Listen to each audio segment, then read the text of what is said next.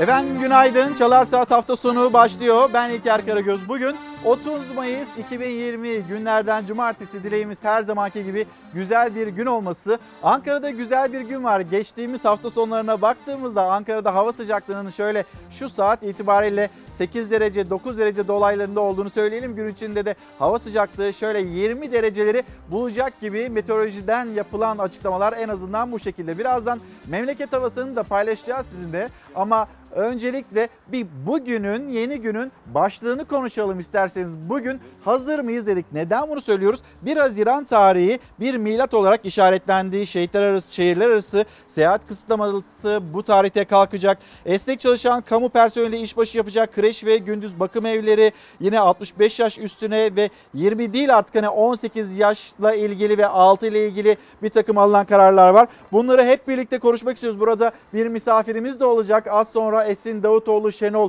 Kendisine soracağız acaba biraz böyle hızlı mı gidiyoruz normalleşme adına adımlar atarken acaba bazı noktalarda tedbiri de elden bırakıyor muyuz diye kendisine danışmak istiyoruz. Yine 1 Haziran tarihinde yollardaki dinlenme tesisleri onlar açılacak. Plajlar, milli parklar, bahçeler, müzeler, öğren yerleri yine 1 Haziran tarihi itibariyle açılacak. Peki biz hazırlıklarımızı yaptık mı?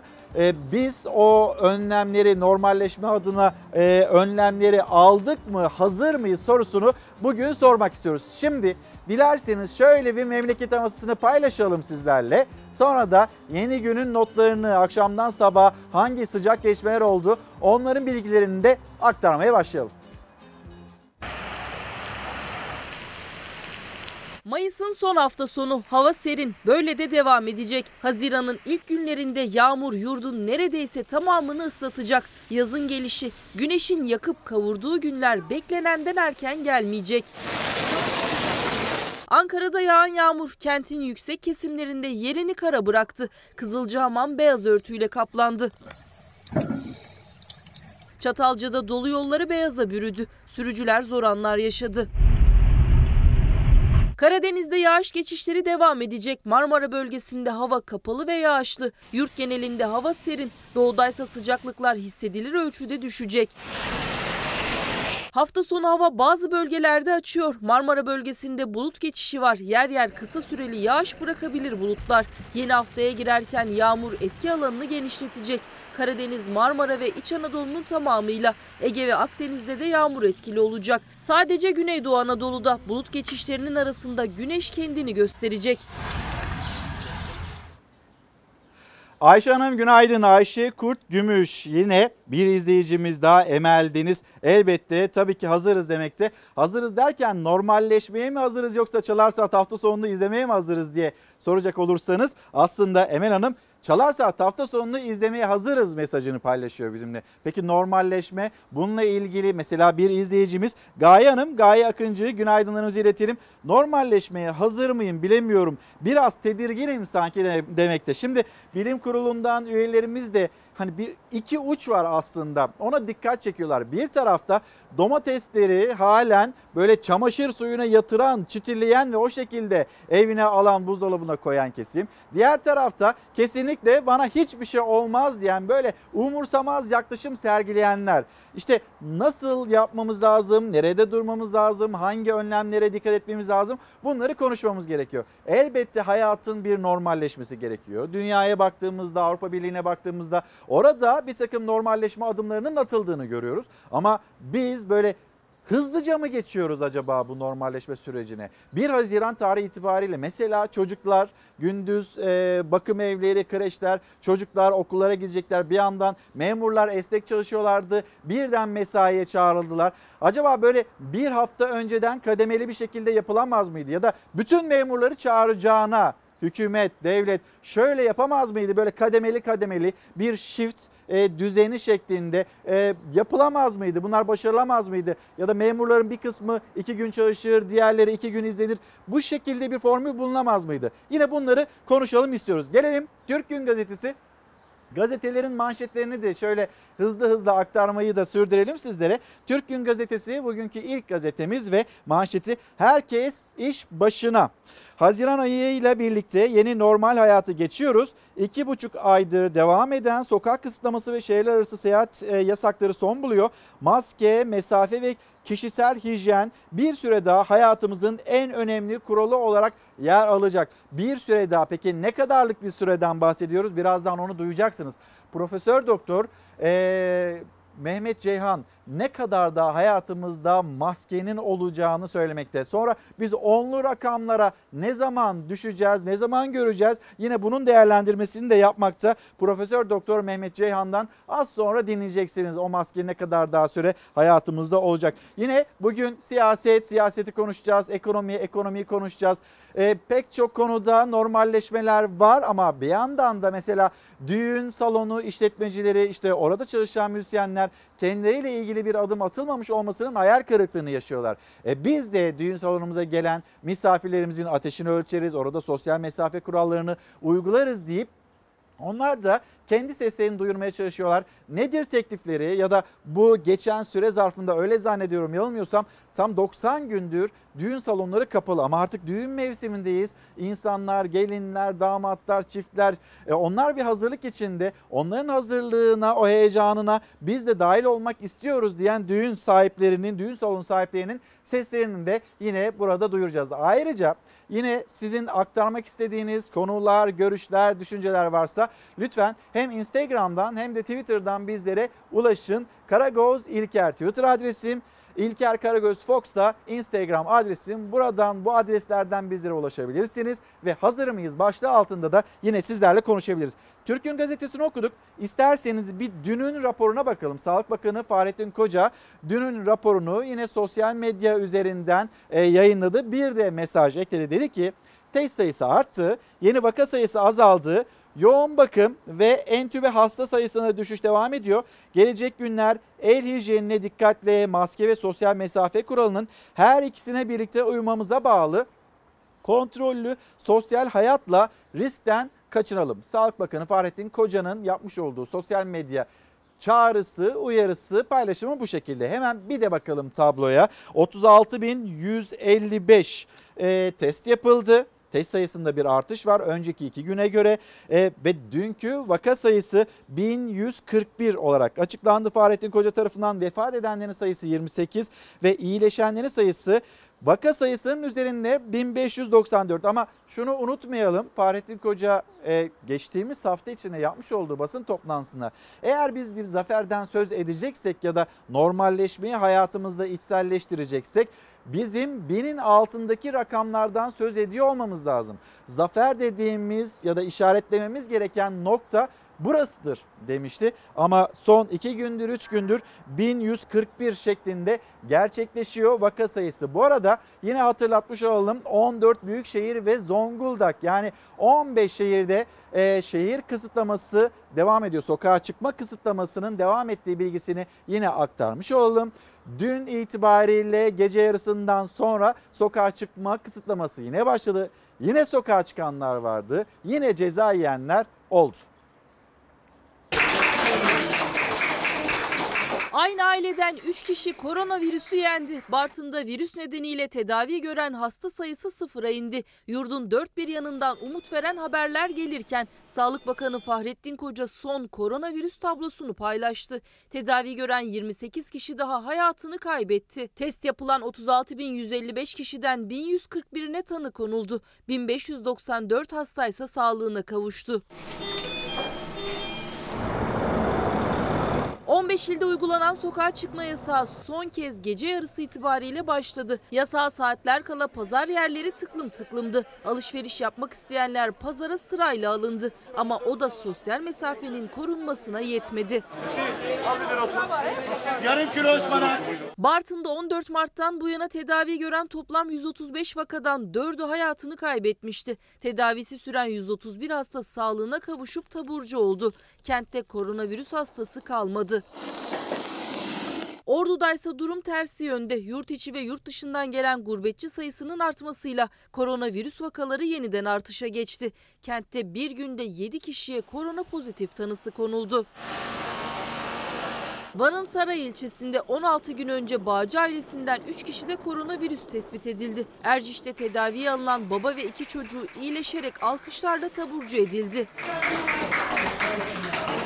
Salgın nedeniyle 6 kişinin hayatını kaybettiği Elazığ'da 69 hasta tedavi altındaydı. Vali Çetin Oktay Kaldırım serviste tedavi gören sayısının 10 olduğunu ve bunda alınan tedbirlerin büyük payının olduğunu açıkladı. Mezitli Belediye Başkanı Neşet Tarhan bisikletle sokak sokak gezdi, maske dağıttı.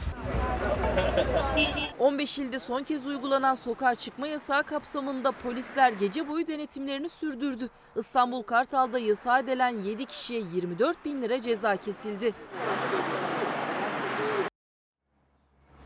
Muzaffer Kütük günaydınlarımızı iletelim. Hazırız hem sizi izlemeye hem de sosyal hayata. Dikkatli olacağız. Fiziki mesafeyi aşmayacağız. Hijyen önemli. Bol bol ellerimizi yıkayacağız. Hijyeni hatırlatıyor e, izleyicimiz. Nereye kadar karantina? Karantina da bir yere kadar demekti. Kenan Bey, Kenan Ak, Akkocaoğlu Haziran'da 1 Haziran'da kreşler açık ama 18 yaş altının evden çıkması yasak. Seyahat serbest ama 65 yaş üstünün seyahati izne tabi. 15 şehir için bu hafta sonu son kez sokağa çıkma yasağı olacak demekti. Bir yandan da emeklilikte yaşa takılanlar onların meselelerini, problemlerini hatırlatmakta Kenan Bey. Evet bugün bazı gazeteler onların ilk sayfalarına baktığımızda manşetler değişmiş. Manşetlerde ya da ilk sayfada ikinci haber ya da üçüncü haber noktasına gerilemiş bu korona süreci, korona ile ilgili e, alınan önlemler ya da korona ile ilgili haberlerin ikinci haber, üçüncü haber seviyesine gerilediğini yine aktarmış olalım sizlere. Gelelim şimdi bir düne dönmek istiyoruz. 74 gün sonra bir ilk yaşandı.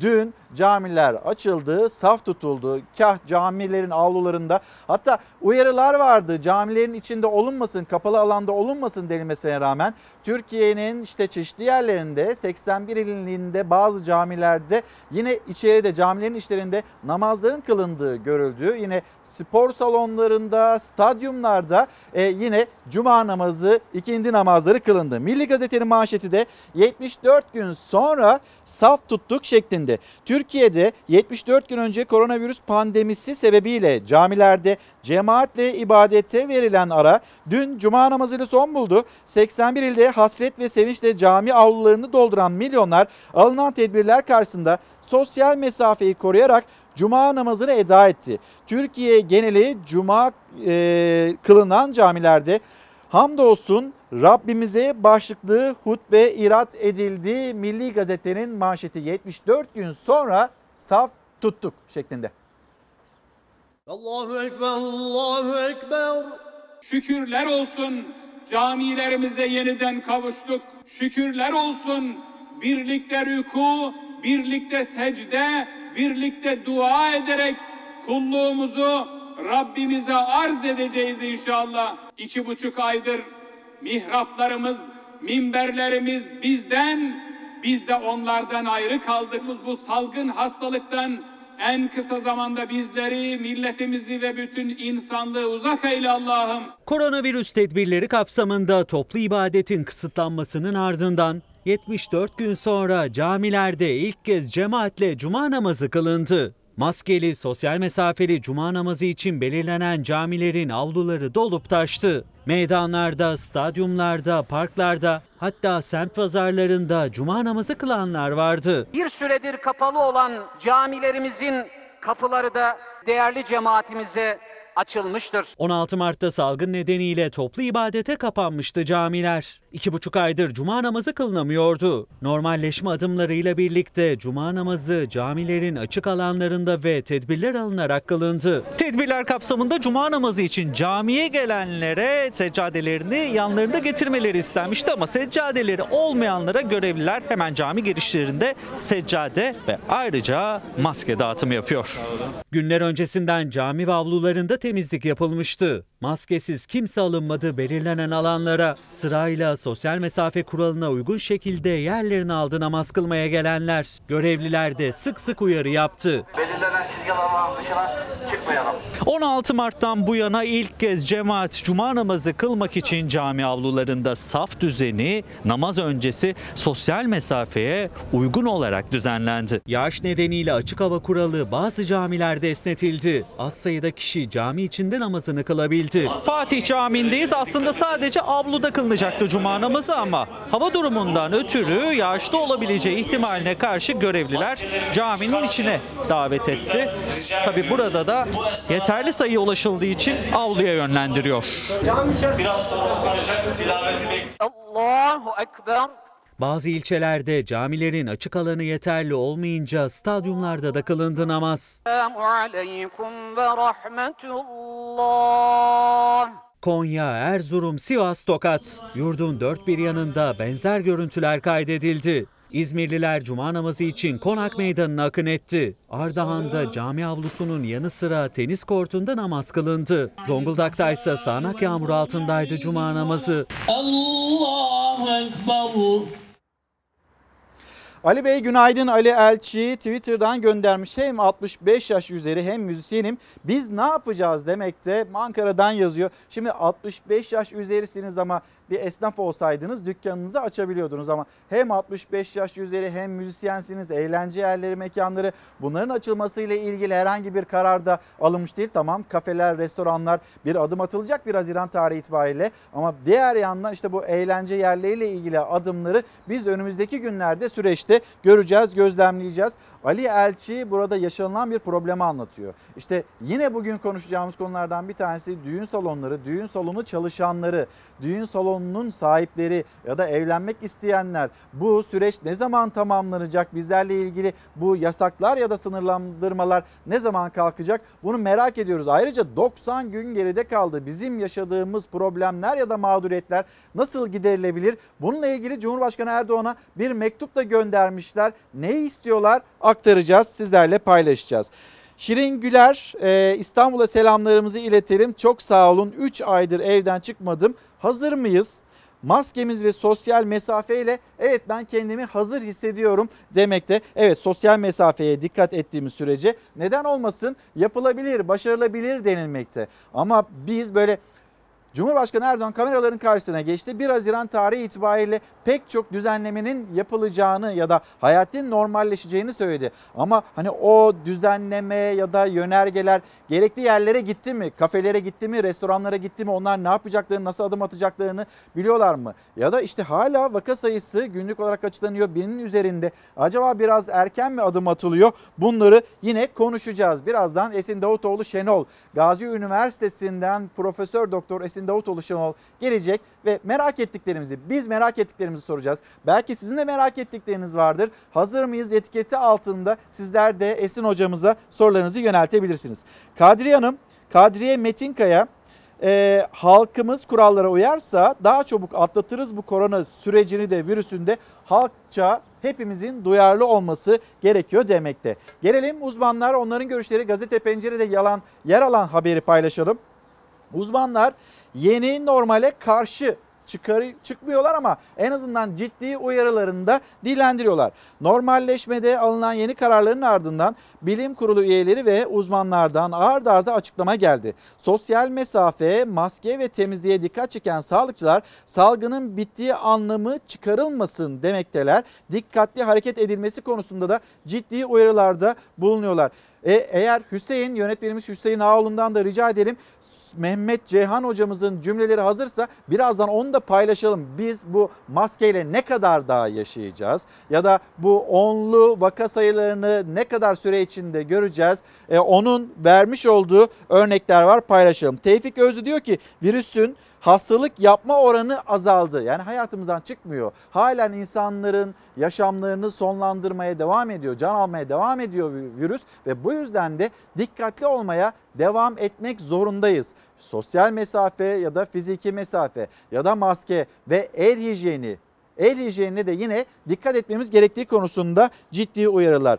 Ee, Mehmet Ceyhan Hoca süper bulaştırıcılar tespit edilmeli. Şu anda ne kadar vaka görüyorsanız siz o vaka sayısını 10 ile çarpın demekteydi. Biz o süper bulaştırıcılar hani ne demek bu? Kendisi bu virüsü taşıyor. Ama hani semptomları göstermiyor. Farkında bile değil. Ama toplumun içinde bu virüsü yaymaya devam edenler daha fazla test ve bu test sayısını arttırarak da bu kişileri bulmamız gerektiğini söylüyor Mehmet Ceyhan Hoca. Ve Ateş Kara Hoca vaka sıfırlanmadan bitti diyemeyiz. Yine çok çok konuşuluyor. İkinci bir dalga olacak mı olmayacak mı? Bunu da yine konuşalım. Esin hocamıza soracağım sorular arasında olsun bu e, ikinci dalganın olasılığı. Ve gelelim Mehmet Ceyhan Hoca'nın yapmış olduğu açıklamalar. Salgınlardaki vaka sayıları azalırken dimdik bir azalma döneminden sonra bir dağın eteği gibi bir dirençle karşılaşır ve o azalma hızı biraz yavaşlar. Bu daha sağlıklı bir yavaşlamadır. Çünkü hızla böyle sıfırlara inerse biz bazı vakaları atlıyor olabiliriz anlamına gelir. Dolayısıyla bunun aşağı yukarı bir 4-6 hafta civarında olabileceğini tahmin ediyorum. Ama şunu da düşünmek lazım. E, Kaldırılamayacak hiçbir tedbir yok. Yeter ki siz gerekli önlemleri alın. Zaten biz bir süre maskeli ve mesafeli yaşayacağız. Bunun ne kadar süreceğini tabii ki söylemek zor ama ben 4-6 aydan önce olabileceğini düşünmüyorum. Ee, Biraz önce söylediğim gibi bu bir açıkçası e, yavaş inmek her zaman vaka sayılarının böyle tedrici azalması daha güvenli bir ortamdır. Çünkü bu sizin vakaları yeteri kadar etkinlikle taradığınızı ve tespit ettiğinizi gösterir. Öbür türlü siz birdenbire böyle bir haftada iki haftada onun altında sayılara inerseniz siz bazı vakaları atlıyorsunuz anlamına gelir. Bizim şu anda 32-33 bin civarında e, aktif vakamız var ve hep söylediğimiz gibi bunun 10 katı kadar da virüsü tanı konmadan taşıyabilme ihtimali olan insanlar var. Nil Hanım günaydınlar. Nil Pınar nöbetten selamlarımızı iletiyoruz demekte. Sağlık çalışanlarımız onlar mesailerine devam etmekteler. Bu süreçte üzerlerine inanılmaz bir e, yük bindi ve bu süreci onların sayesinde aslında atlatabiliyorsak biz normalleşmeyi konuşuyorsak sağlık çalışanlarımızın sayesinde bunu konuşabiliyoruz. Peki özlük hakları ya da ek ödemeleri bu süreçte kendileriyle ilgili kurulan cümleler güzel cümlelerin e, hak ettikleriyle de tamamlanabiliyor olmasını biz istiyoruz. Bizim temennimiz bu ve zaman zaman da seslerini duyurmaya çalışıyoruz. Onlar şu anda nöbette, onlar hayatın tam da içinde, merkezinde. Bir yandan onları e, onlara teşekkür ediyoruz, onları takdir ediyoruz. Diğer yandan da karşılaştıkları kötü durumları da yine paylaşıyoruz. Olmasın diye elimizden geleni yapmaya çalışıyoruz. Selamlarımızı iletelim bizler de. Hem sağlık çalışanlarımıza hem de şu anda hastane odasında bizleri izleyen izleyicilerimiz var kuşkusuz. Onlara selamlarımızı iletelim ve yine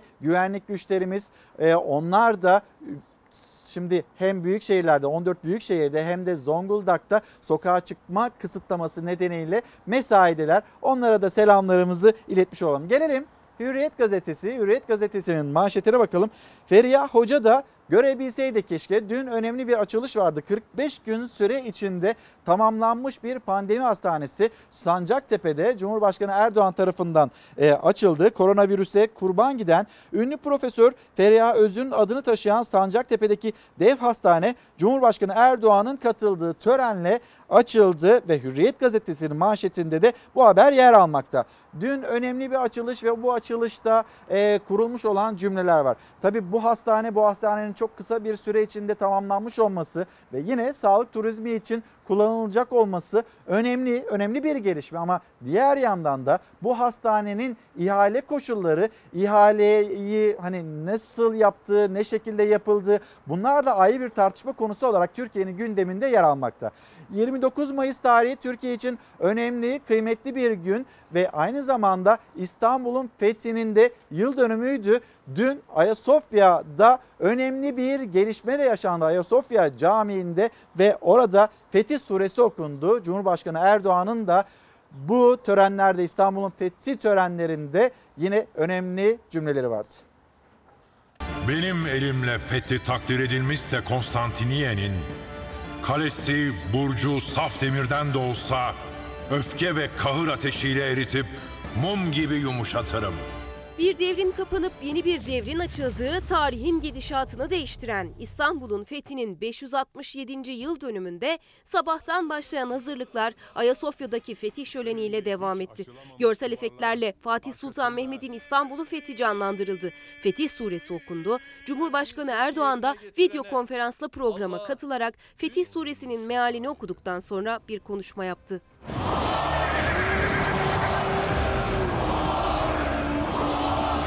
Şüphesiz biz sana apaçık bir fetih verdik. Ta ki Allah senin geçmiş ve gelecek günahlarını bağışlasın, sana olan nimetini tamamlasın, seni doğru yola iletsin ve Allah sana şanlı bir zaferle yardım etsin.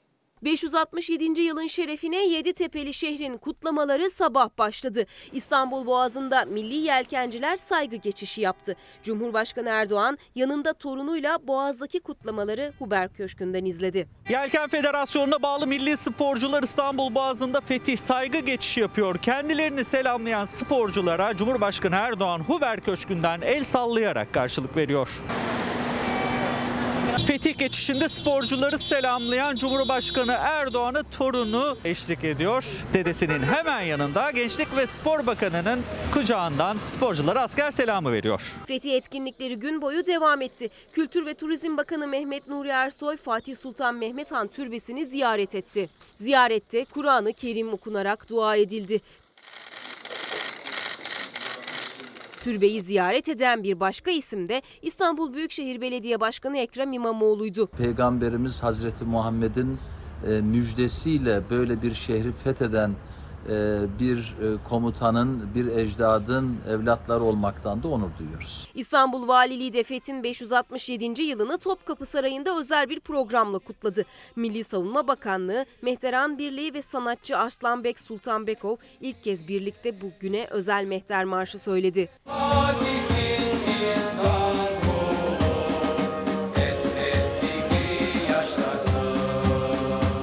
Ama gözler akşam Ayasofya'daydı. İstanbul'un simgelerinden biri olan Fethin ardından camiye dönüştürülen Ayasofya ilk kez böyle bir kutlamaya şahit oldu.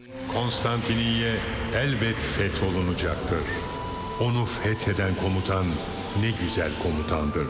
Onu fetheden ordu ne güzel ordudur. Şölenin ev sahibi Kültür ve Turizm Bakanı Mehmet Nuri Ersoy'du. Vatandaşların ilgisi de büyüktü. Bahçede toplanan onlarca İstanbullu Ayasofya'nın duvarlarına yansıtılan ve fethi anlatan animasyonu ilgiyle izledi. Üzerlerine yağan oklar ve kızgın yağları aldırmadan korkusuzca çarpışıyorlardı. Atılan savaş naraları Bizanslıları korkuyla titretiyordu. Türk askeri elinde kılıç, göğsünde iman, mahşeri yararak zafere doğru ilerliyordu. Bakan Ersoy'un başlattığı tören Fetih Suresinin okunmasıyla devam etti. Surenin bir bölümünün Türkçe mealini ise kutlamaya video konferansla katılan Erdoğan okudu. Besmele ile başladı, sure mealinin ardından da bir konuşma yaptı. Bismillahirrahmanirrahim. İşte bu Allah katında büyük bir başarıdır. İnşallah Fethin 600. yıl dönümü olan 2053'te gençlerimize ecdatları Fatih'e layık bir Türkiye bırakacağız. Malazgirt Zaferi'nin bininci yılı olan 2071 için ise çok daha büyük hedeflere yelken açacağız. Erdoğan konuşmasında İstanbul Büyükşehir Belediye Başkanlığı yaptığı döneme atıfta bulundu. Fatih fethetti, biz de ömrümüzü adadık dedi. Biz bu şehri sadece fethetmekle kalmadık. Biz İstanbul'u sevmezse gönül aşkı ne anlar diyerek onun güzelliğine güzellikler katmak için yüzyıllarımızı harcadık. Kendi hayatımızı da bu şehre adadık.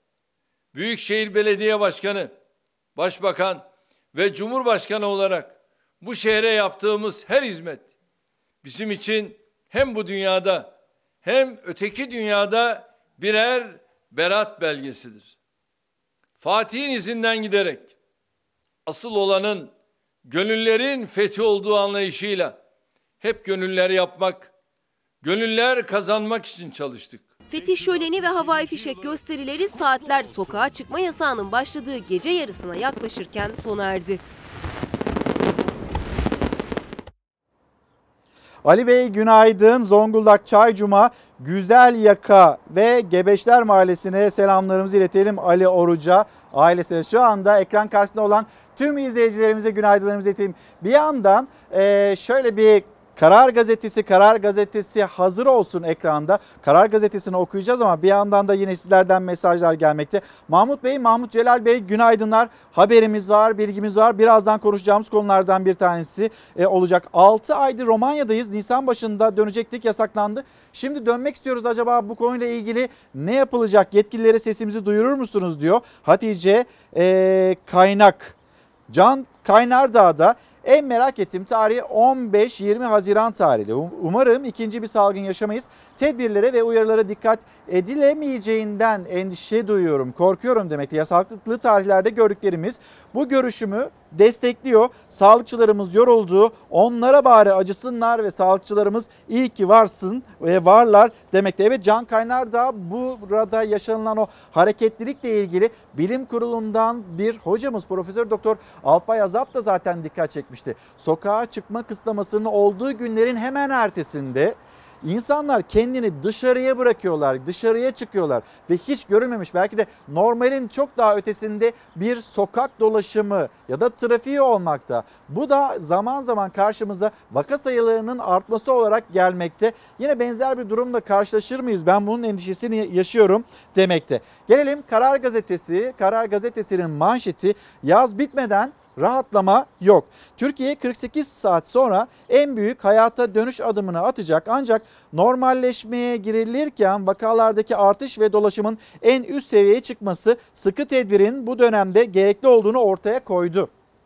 Bilim kurulu üyeleri de yaz rehavetine karşı 2 ayda teyakkuz uyarısında bulundular. Onlu rakamların altında en erken 6 haftaya inebiliriz. Maskeli, mesafeli yaşam devam edecek. İşte onlu rakamların altına biz en e, erken 6 haftada inebiliriz. Maskeyle yaşamaya da en az böyle 4 ay ya da 6 ay süre zarfında devam edeceğiz. Öyle gözüküyor. Kimsenin yaz rehavetine kapılmaması gerekiyor. Şimdi bir haber daha paylaşalım. Bu haberimiz Çorum'dan olacak. Sabaha karşı Çorum'da çıkan bir e, yangından bahsedeceğiz. 5 iş yerini küle çeviren bir yangın.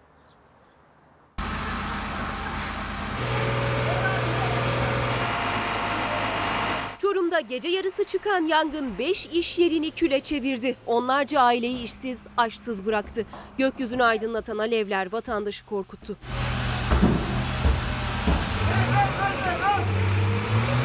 Çorum'da küçük sanayi sitesinde bir marangoz atölyesinde yangın çıktı. Atölyedeki ahşap malzemenin henüz belirlenemeyen bir nedenle tutuşmasıyla kısa sürede büyüyen alevler bitişikteki değirmen makineleri imalatı yapılan iş yeriyle boya deposuna sıçradı. Kısa sürede 5 iş yeri kullanılamayacak hale geldi. Çorum Belediyesi İtfaiye Müdürlüğü'ne bağlı ekiplerin müdahale ettiği yangın uzun uğraşlar sonunda 2 saatlik çalışmanın ardından kontrol altına alındı.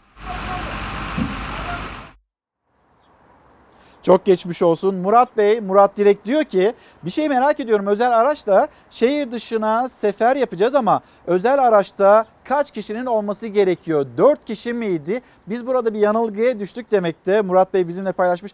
Yanılmıyorsam şoför dahil 3 kişi olması gerekiyor o özel araçta. Yani eğer bir değişiklik var mı yok mu bunu da teyit etmeye çalışalım. Yanılmıyorsam tekrar söyleyeyim şoför dahil 3 kişi olacak Murat Bey. Şimdi bir mola verelim. Döndüğümüzde birkaç haber sonra siyaset siyaset kulisleri arasında bir tur atacağız. Sözcü gazetesi yazarı Deniz Eyrek'le birlikte ve yine e, Esin Davutoğlu Şenol hocamız. Kendisini burada ağırlayacağız. Acaba hızlı mı gidiyoruz, normalleşiyoruz ama hazır mıyız diye kendisine soracağız. Bir mola verelim.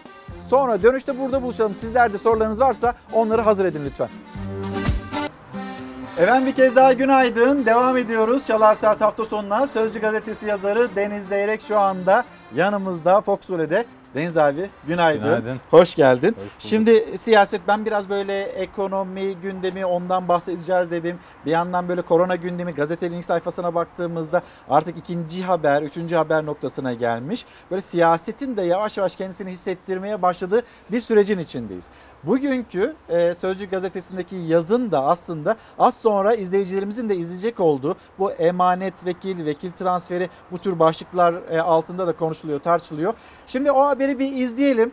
CHP lideri Kemal Kılıçdaroğlu, Kılıçdaroğlu'nun yapmış olduğu bir açıklama sonrasında siyasette başlayan bir tartışmaydı. Hemen bir izleyelim sonra geri dönelim. Burada siyasette, Ankara'da, kulislerde acaba böyle vekil transferiyle ilgili yasal bir düzenleme yapılıyor mu, yapılmıyor mu? Biz hep konuyu muhalefet cephesi açısından ele alıyoruz mesela. Acaba iktidar cephesi nasıl gözlemlemekte bu meseleyi bir bakalım.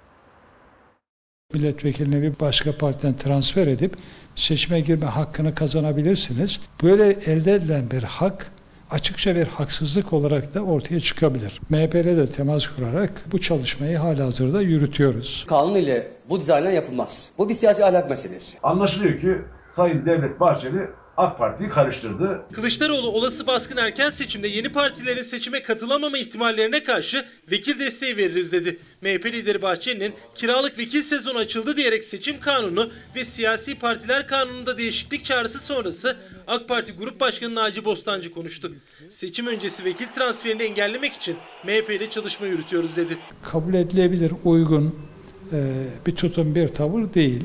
İşin şüphesiz anayasaya tekabül eden tarafları var. Seçim yasası, siyasi partiler yasası çerçevesinde yapılabilecek, atılabilecek adımlar var. Bu açıklamadan bir hafta sonra bu kez AK Parti Grup Başkan Vekili Bülent Turan'a soruldu vekil transferiyle ilgili yasal düzenleme. Turan kanunla düzenlenmez dedi. Bir partiden toplu olarak diğer partiye geçmek, kameraların karşısında ağlayarak bu kararı açıklamak, ardından tekrar geri gelmek bir kanun değil, siyasi ahlak meselesi. Grup başkanı ile grup başkan vekili birbirlerini peşi sıra yalanlamaya başladıklarında Adalet ve Kalkınma Partisi'nde işlerin ne kadar birbirine karıştığı, ne kadar Arap saçı olduğu, ne büyük bir huzursuzluk olduğu da anlaşılıyor. Sayın Bostancı Adalet ve Kalkınma Partisi'nin grup başkanı, Turan da grup başkan vekili.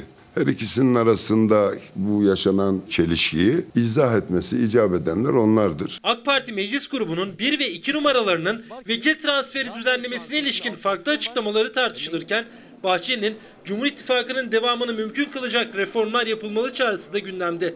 Muhalefet seçim kanunu ve siyasi partiler kanununda yapılması planlanan değişiklikler demokrasiyi güçlendirmeli dedi. Yapılacak ilk genel seçimde iktidarını kaybedeceğini düşünen Cumhur İttifakı kanun yapma gücünü, iktidarını korumak için bir silaha dönüştürmeye kalkışırsa hiçbir silah sahibine sadık değildir. Gün gelir sizi vurur. Sistemin değişikliğine bağlı olarak siyasi partiler yasasının, seçim yasasının değişmesi, çalışması hep gündemimizde var bizim. Tek adamlığı çağrıştıran partili cumhurbaşkanlığı hükümet sisteminden vazgeçilerek iyileştirilmiş parlamenter sisteme dönüşün yolunu açacak tedbirleri almaya davet ediyoruz. Bahçeli Cumhurbaşkanlığı hükümet sisteminin devamı için yasal düzenleme isterken muhalefet bir kez daha güçlendirilmiş parlamenter sistem dedi. Meclisin açılmasıyla tartışma daha da alevlenecek gibi. Tabii MHP lideri Devlet Bahçeli kendisinin yapmış olduğu açıklama var. Bir reformdan söz ediyor Deniz abi. Bir yandan işte parlamenter sistem muhalefetin yapmış olduğu çağrı.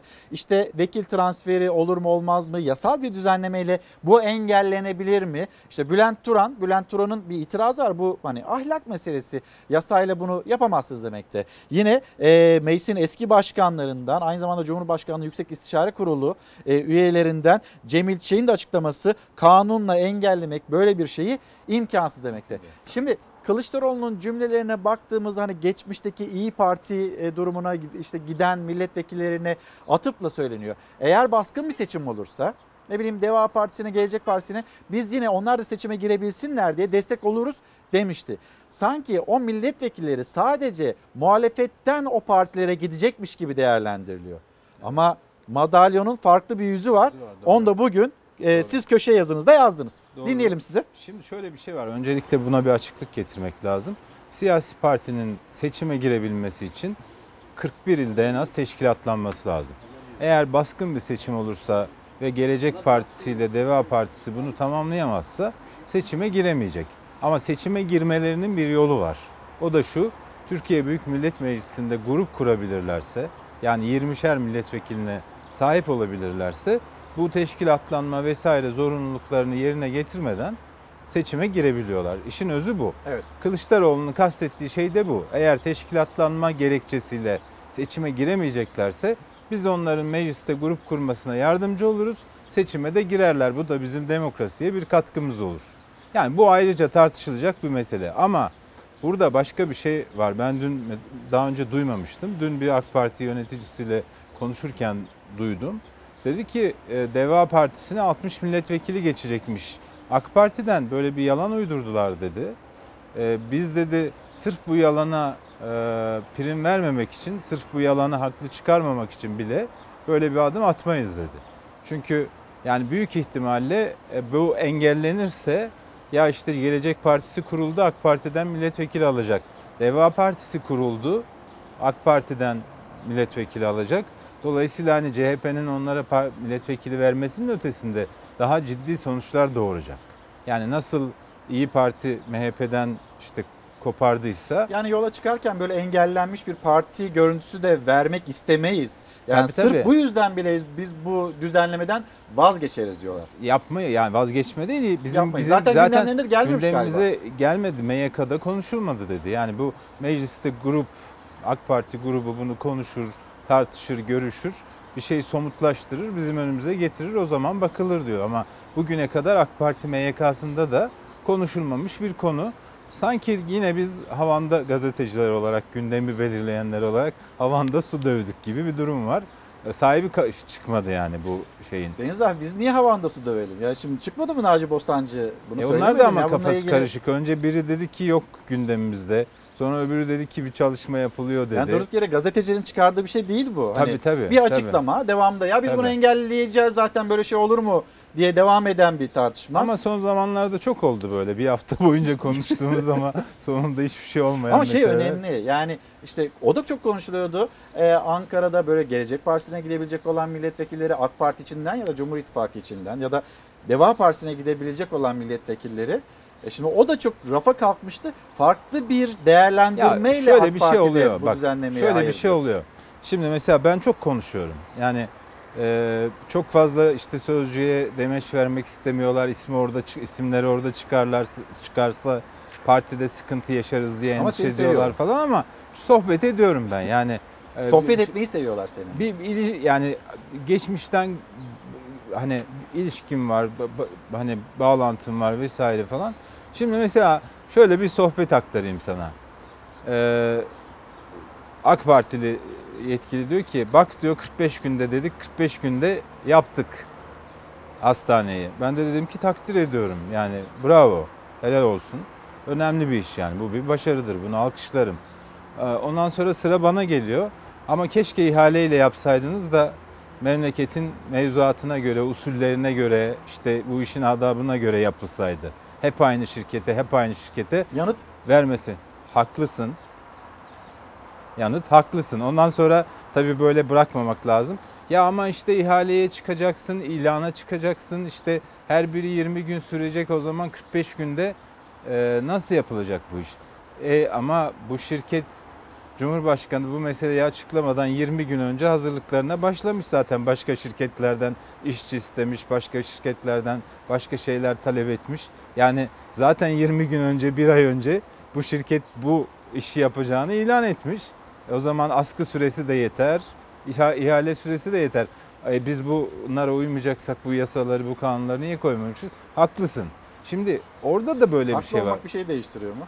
Ya değiştirmiyor. Yani bakıyorsun aynı şirket işte geçen Deniz Çiğdem abi. Çiğdem yazdı Çiğdem Töker Evet. sözcüde.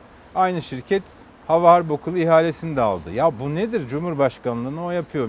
MİT şeyini o yapıyor. İşte başka bir yeri o yapıyor. Memlekette başka şirket mi yok yani? Niye ihale yapılmıyor? Niye hep davet hep davet? Başka firmaların yeteneklerine mi güvenmiyorlar? Ha, yani E yapılsın şey, yine işte ihalesi yapılsın. Ondan sonra solunun cihazı- ihalede alınabiliyorsa şeffaf bir Solunun şekilde cihazı alsın. konuşuyoruz. Bir bir şirket. E başka şey konuşuyoruz bir şirket. Yani Bu nedir Türkiye? Deniz abi bu- bu sorulduğunda hatırlamıyor musun Tarım Bakanı'nın Fox Haber'e Damla Yıldız Söken'e verdiği yanıtı? Ivır zıvır işlerle uğraşıyorsunuz. Ne var ki dediğini Ama hatırlamıyor işte musun hukuk abi? devleti böyle bir şey. Şimdi ekonomiyi konuştuğumuzda bunlar ön Hukuk plana devleti. çıkıyor. Şimdi tamam hukuk devleti konusuna geçiş yapacağız. Hem de böyle çarpıcı bir konu. Siyasetin çokça konuştuğu bir konu e, ile birlikte. Biz Zindaşti, Zindaşti ile yine Cumhurbaşkanlığı Hukuk Politikaları Kurulu'nda yer alan bir anayasa profesörü Burhan Kuzu ortaya çıkan işte yeni açıklamalar, yapmış olduğu yeni açıklamalar. Bir bakalım. Şimdi hani muhalefetin itirazı var, Burhan Kuzu'nun kurmuş olduğu yeni cümleler var. İzleyelim, öyle devam edelim. Türkiye'de yargıyı arayan siyasetçi ne ilk benim ne son benim. Binlerce arayan var. Herkes arıyor. Ben de aradım savunmasını yapmak. Beni yakmayın. Beni yakanı ben de yakarım tehditinden, şantajından başka bir şey değildir. İranlı uyuşturucu baronu Firari Zindaşti'nin tahliyesi öncesinde davaya bakan hakimi aradığını kabul etti Burhan Kuzu. Hakkında soruşturma da var. Yargıyı ilk arayan da son arayan da ben değilim açıklaması yaptı. Muhalefet başka kimler arıyor diye sordu. Burhan Kuzu'nun kendinden önce de bunu yapmış olan siyasilerle kendinden sonra yapmaya devam eden siyasileri açıklamak gibi bir mecburiyeti vardır. Siyasi namusu varsa. Bunlar gayet doğal olan şeyler. Yani yargıyla da aradın hadi bunu yap.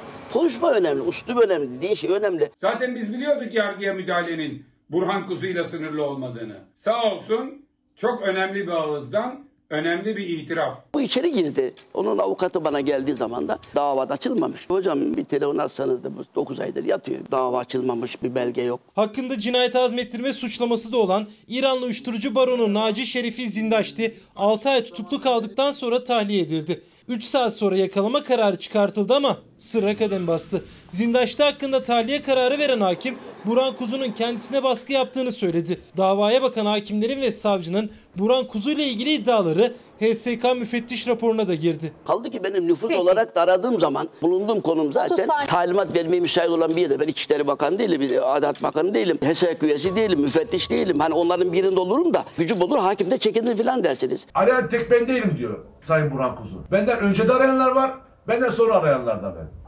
E şimdi bunlar kimler aramış Allah aşkına bunların da ortaya çıkması gerekiyor. Ben ısrar etmedim. Dava açılmamış. 2014 yılında yasa değişti. Dava açılmadan hakimi aramak suç olmaktan çıkarıldı. Dolayısıyla benim zaten aradığım dönemde dava açılmadığı için suç da oluşmamıştır. Demek ki kendi işledikleri suça bir kılıf hazırlamışlar yasal düzenleme yaparak. Uyuşturucu baron için dediğiniz zaman sanki adam baronluktan yatıyor da baronluktan çıkarmış gibi, uyuşturucu suçundan çıkarmış gibi. Adam ben baron değilim diyor. Baron da değildir ben bilemem. Haber Global Televizyonunda yayınlanan Jülide Ateş'le 40 programında konuştu. Cumhurbaşkanlığı Hukuk Politikaları Kurulu üyesi Burhan Kuzu. Benim hakimi aradığım dönemde yargı mensubunu bir davayla ilgili aramak suç olmaktan çıkarılmıştı dedi. Zindaşti ile yakın ilişkisi olmadığını söylerken birlikte çekilmiş fotoğrafları da soruldu.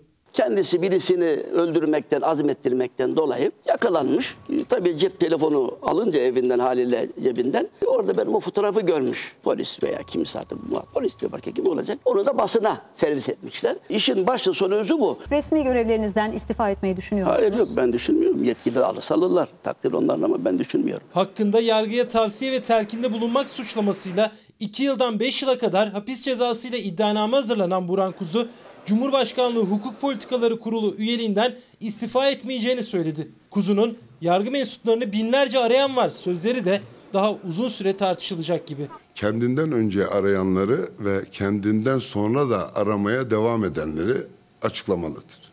Bunu yapmadığı müddetçe Sayın Kuzu'nun üzerinde gölge olarak kalmaktan öte Adalet ve Kalkınma Partisi'ni bir karanlıkta bırakma durumunu ortaya çıkarır.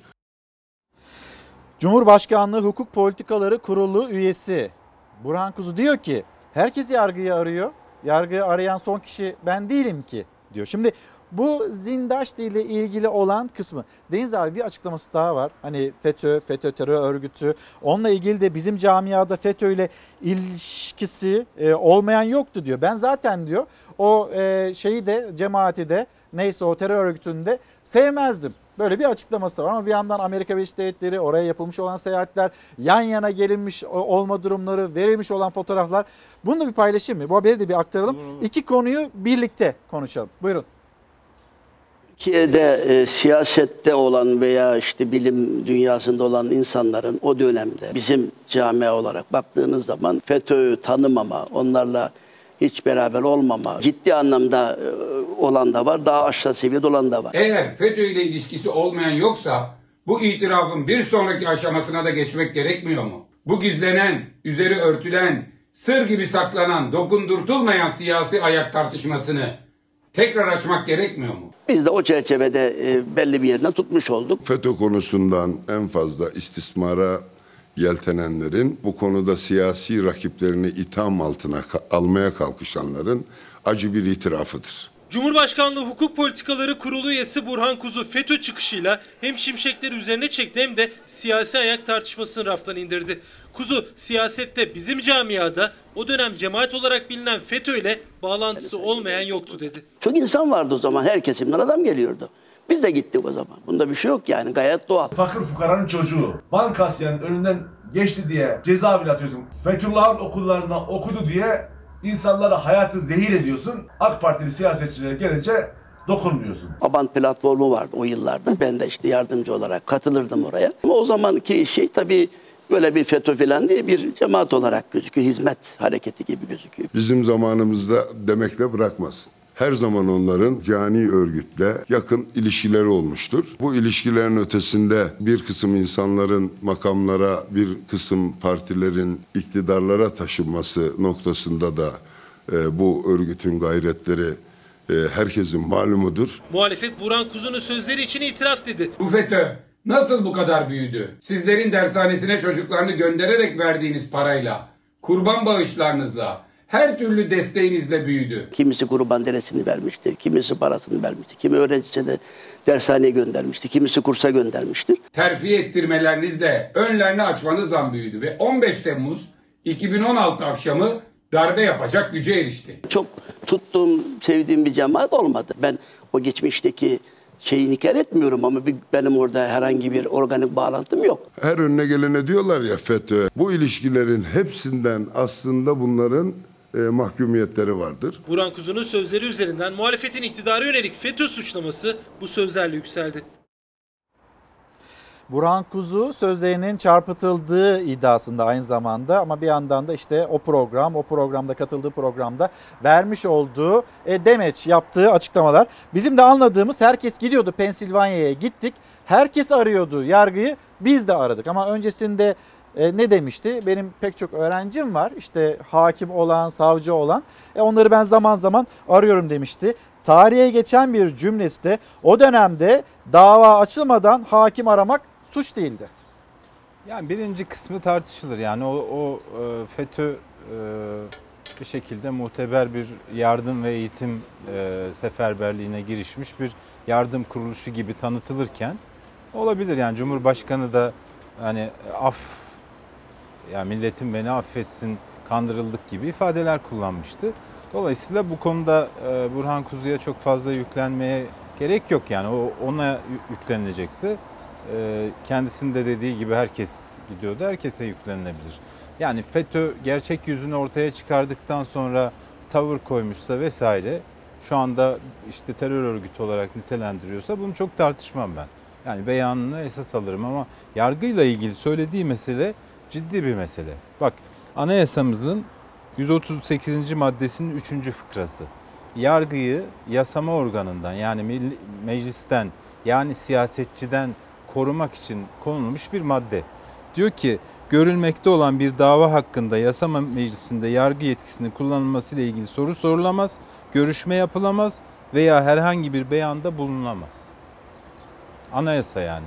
O zaman anayasa yok muydu? Anayasa Anayasayı hukukçusu bunu biz bilmez sonra mi? mı icat ettik anayasayı? Yani e, maalesef söylediği şey de doğru. Yani siyasetin yargı üzerindeki etkisini ve gücünü birçok somut davada görebiliriz. Bu bir itiraf mı? Bak bence itiraf. Yani e, bu e, minareden Çağbella çalınması davası. Dün e, tutuklanan hanımefendi serbest bırakıldı. Banu Hanım evet. Niye bayramı içeride geçirdi? Bu kimin isteğiydi?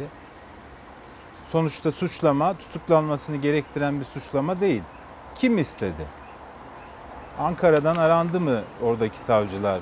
Yani polisin gözaltına almasını bile gerektirmeyen bir durumda bir Türkiye Cumhuriyeti vatandaşı bayramı hapishanede geçirdi. Na- nasıl oldu bu? Ya da işte Adana'da ya bu yardımlar niye AK Partili belediyeye gidiyor da Büyükşehir Belediyesi'ne gitmiyor dediği için kendisine silah doğrultulan çocuk hala içeride. Ve başka bir şeyle de suçlanıyor. Siyasi konuşmaların gündemi oluyor. İşte deva timine saldırdı falan deniyor. Hüküm veriliyor. Yargı adına ülkeyi yönetenler hüküm veriyor. Yani olayın somut olguları başka, siyasetçilerin çizdiği çerçeve başka ama yargı somut olgulara değil siyasetçilerin çizdiği çerçeveye bakıyor. Aynı şey. Yani e, Yani vatandaşın Bu- da bunu kabul etmesi, bunu normal karşılaması mı isteniyor? karşılamamak. Öyle yani isteniyor. herkes Burhan- arıyordu ben de aradım. Burhan Kuzu'nun Ama sen anayasa Burhan Kuzu'nun diye kişisel- itiraz var işte Bak, muhalefetten Burhan de. Kuzu'nun kişisel menfaat için yargıya müdahale etmesiyle başka bir ülke yöneticisinin kendi siyasi partisinin, kendi iktidarının e, lehine bir amaçla yargıya müdahale etmesi arasında hiçbir fark yoktur. Deniz abi bu Zindaşlı meselesi Burhan Kuzu e, ile işte yan yana gelişleri çok konuşuyor tartışılıyor. Bir haber var bugün.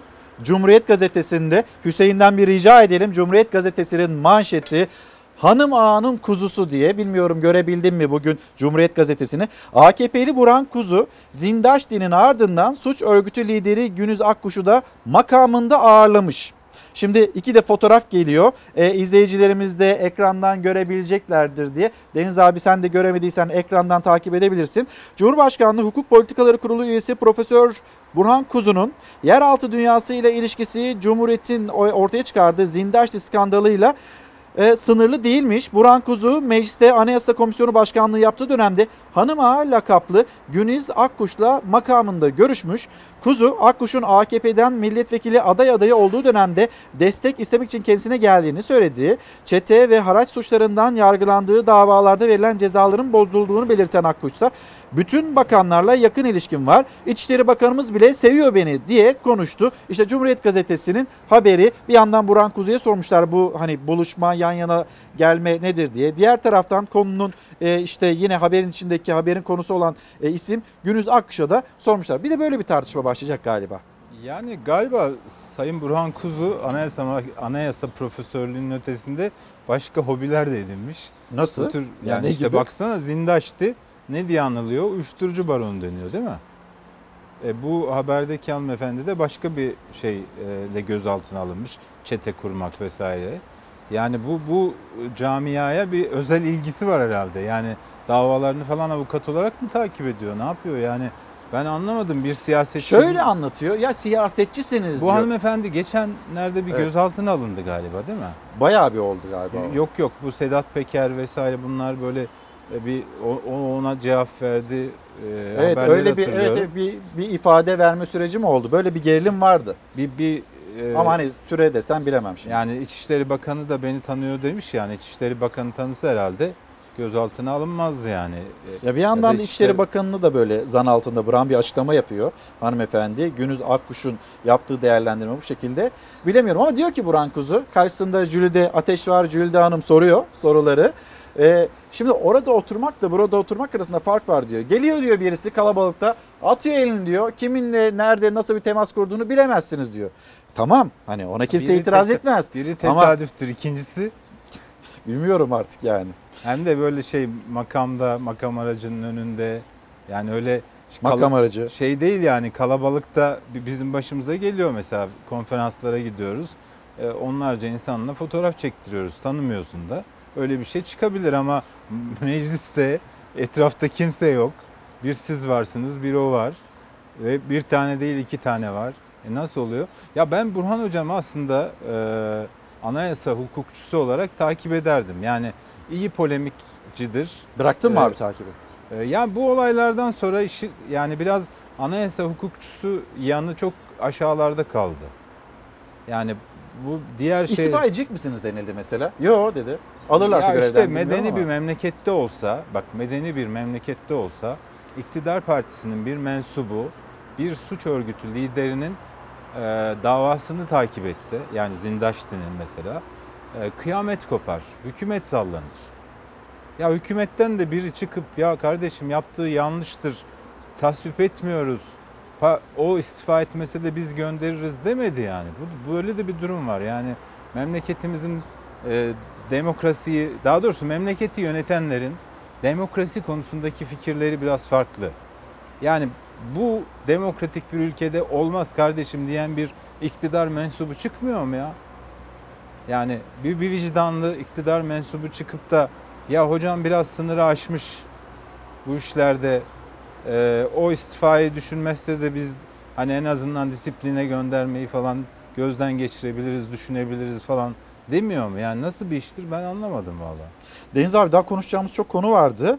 Ee, ama yarına bırakalım mı? Ne dersin? olur. Bir, bir başlık var ama. Bir Hüseyin sana zahmet e, Muharrem İnce dün bir televizyon programındaydı. Ekonomiyle ilgili e, cümleler kurdu. Daha böyle siyasete dair, güncel gelişmelere dair kuracağı çok cümle vardı. Ama hani sözleri yarıda kaldı. Cumhurbaşkanı Erdoğan'ın e, dün işte İstanbul Fethi ile ilgili e, yapmış olduğu açıklamalar nedeniyle onlar da Cumhurbaşkanı Erdoğan'ın seslerini, sözlerini e, vermeye başladılar. Bir Sözcü gazetesi, Sözcü gazetesinde de o haberi seçmiştik. Onu da bir yandan aktarmış oldum. Sözcü gazetesinin ekranlara taşıyabilirsek hemen e, Muharrem İnce katıldığı canlı yayın e, Erdoğan için kesilince stüdyoyu terk etti. CHP'li İnce dün gece bir TV'de canlı yayına çıktı. O konuşurken Erdoğan konuşmasına bağlanıldı.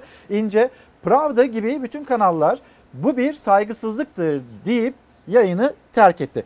Önce bir ekonomiyle ilgili cümleleri var Deniz abi. Paylaşalım. Sonra da hani bunun üzerinden belki biraz konuşmak gerekiyor. 2019 Şubat. TÜİK'in internet sitesine girin görürsünüz. İşsizlik diyor geçen sene 14,7. İşsiz sayısı 4 milyon 730 bin. Çalışan sayısı 27 milyon 355 bin. 2020 bu yıl Şubat ayı. İşsizlik oranı 13,6. Düşmüş 14,7'den 13,6'ya düşmüş işsizlik. Geçen seneden bu yana. İşsiz sayısı 4 milyon 208 bin. İşsiz sayısı da düşmüş. 4 milyon 730 binden 4 milyon 228 bine düşmüş. Çalışan sayısı. Geçen geçen sene 27 milyon 355 binmiş. Bu sene 26 milyon 753 binmiş. Ben matematik bilen bir adamım. Hangi aklı evvel hem çalışan sayısı düşecek hem işsiz sayısı düşecek. Bunu bana birisi anlatsın ya. Umudu olmayanlar işsiz sayılmıyor artık biliyor musunuz? Yazık günah. Şu yeterli biliyor musunuz? Bu Türkiye'nin durumunu anlatmaya yeterli. Şimdi ben 16 milyon oy aldım dedi, gururumla oynatmam dedi. İşte o 2018 yılında ben Cumhurbaşkanı'nın Erdoğan'ın rakibiydim dedi. Yani bütün kanallar canlı yayına geçiyor. E beni davet ettiniz. Tabii, Bana tabii. böyle söylememiştiniz. Ya bu- Niye bunu yapıyorsunuz? Bizim de çok İtirazları başımıza var. geliyor. Yani yayına gidiyorsun.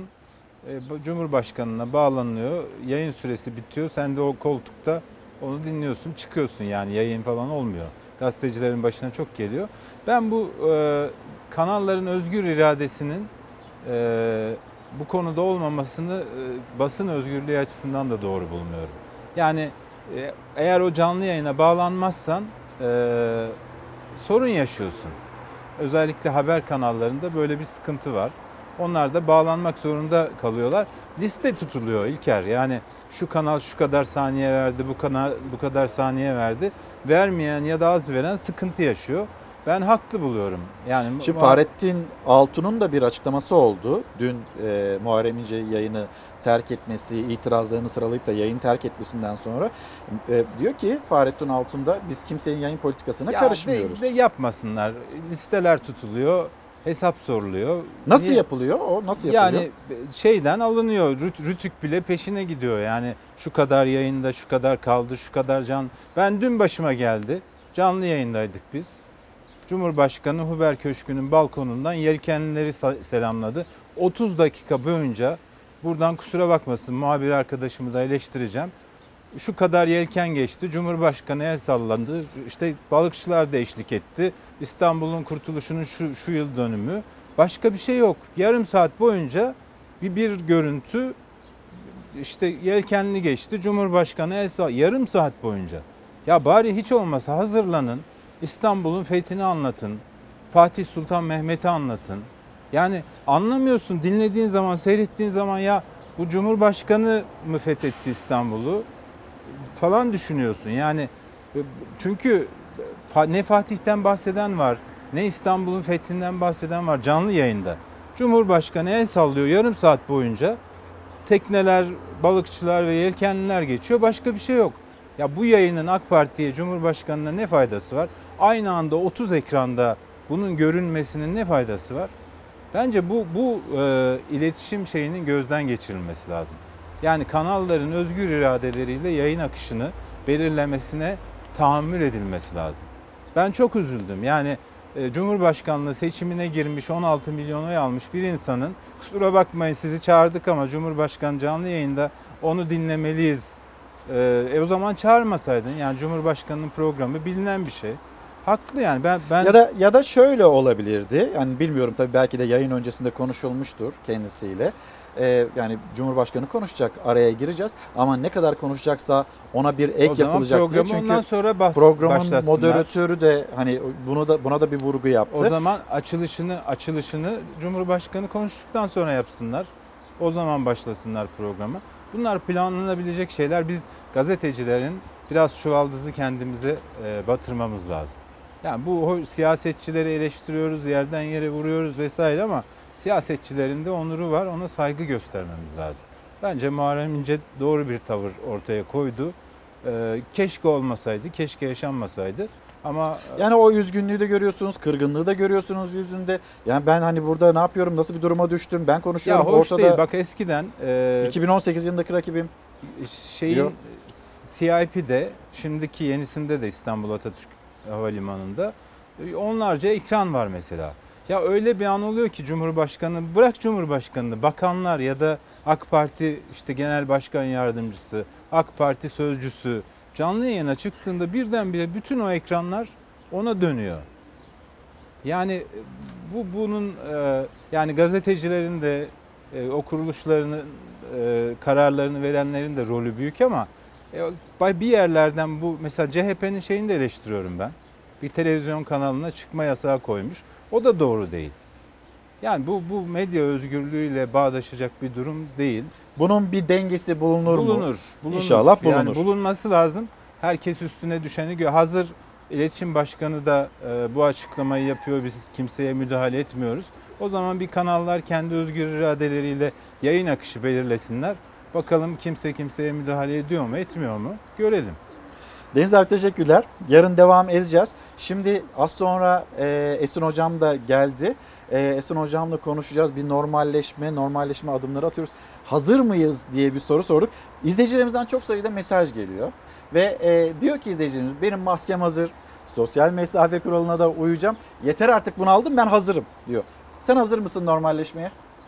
Valla biraz ürk, ürkeğim. Ürke, ürkekim. O burada bulunmandan yok kaynaklanıyor. yok hayır, Belki. hayır onda ilgisi yok. Vallahi yok. Bak hiç gitmedim mesela AVM'ye falan. Yani bu klimalar vesaire konusunda bilim adamları benim kafamdaki sorulara tam cevap vermedi. Onun için biraz Makine ürküyorum. Mühendisleri Odası'ndan e, yapılan açıklamalar var. E, onu da haberleştirelim. Biraz daha böyle doyurucu bilgiler Yani var. mesela dün onu da cuma namazı-. Esin Hocam da aslında birazdan onu anlatacak. İstersen böyle hızlı bir şekilde eve e, yetiş. Esin Hocam'ın cümlelerine Tamam. de bakalım. Yani bir şey daha cuma, söylüyordum. Cuma namazı mesela şey çok hoşuma gitti. Stadyumlarda, açık havada vesaire falan ama böyle cami içinden olan yerlerde biraz tedirgin oldum. Çünkü oradaki hava sirkülasyonu nasıl etkiliyor vesaire henüz kafamda soru işaretleri var. Yani elinden geldiğince insanlar dikkat etmeye Tabii, çalıştı. tabii. 74 günlük bir hasret insanlar Ya işte açık saf hava- tutmayı da stadyum- açık havada bir problem stadyum yok. görüntüsü muhteşemdi. Benim hoşuma gitti. Ama yani. önden korunmuş kura- kurallar da vardı. Böyle kapalı Tabii, alanda tabii. olmayacak, namaz kılınmayacak, cami içinde olmayacak, İşte avluda olmayacak deniliyordu. bazı yerlerde içeri Ona alındı. Çok da uyulmadı. O biraz endişelendirdi beni. Bir dünya raporunu verelim. Deniz abi çok teşekkür Ben ederim. teşekkür Sözcü ederim. gazetesi yazarı Deniz Eyrek'le konuştuk. Yarın devam edeceğiz. Bir dünya raporunu verelim sonra Esin Hoca'yı alacağız.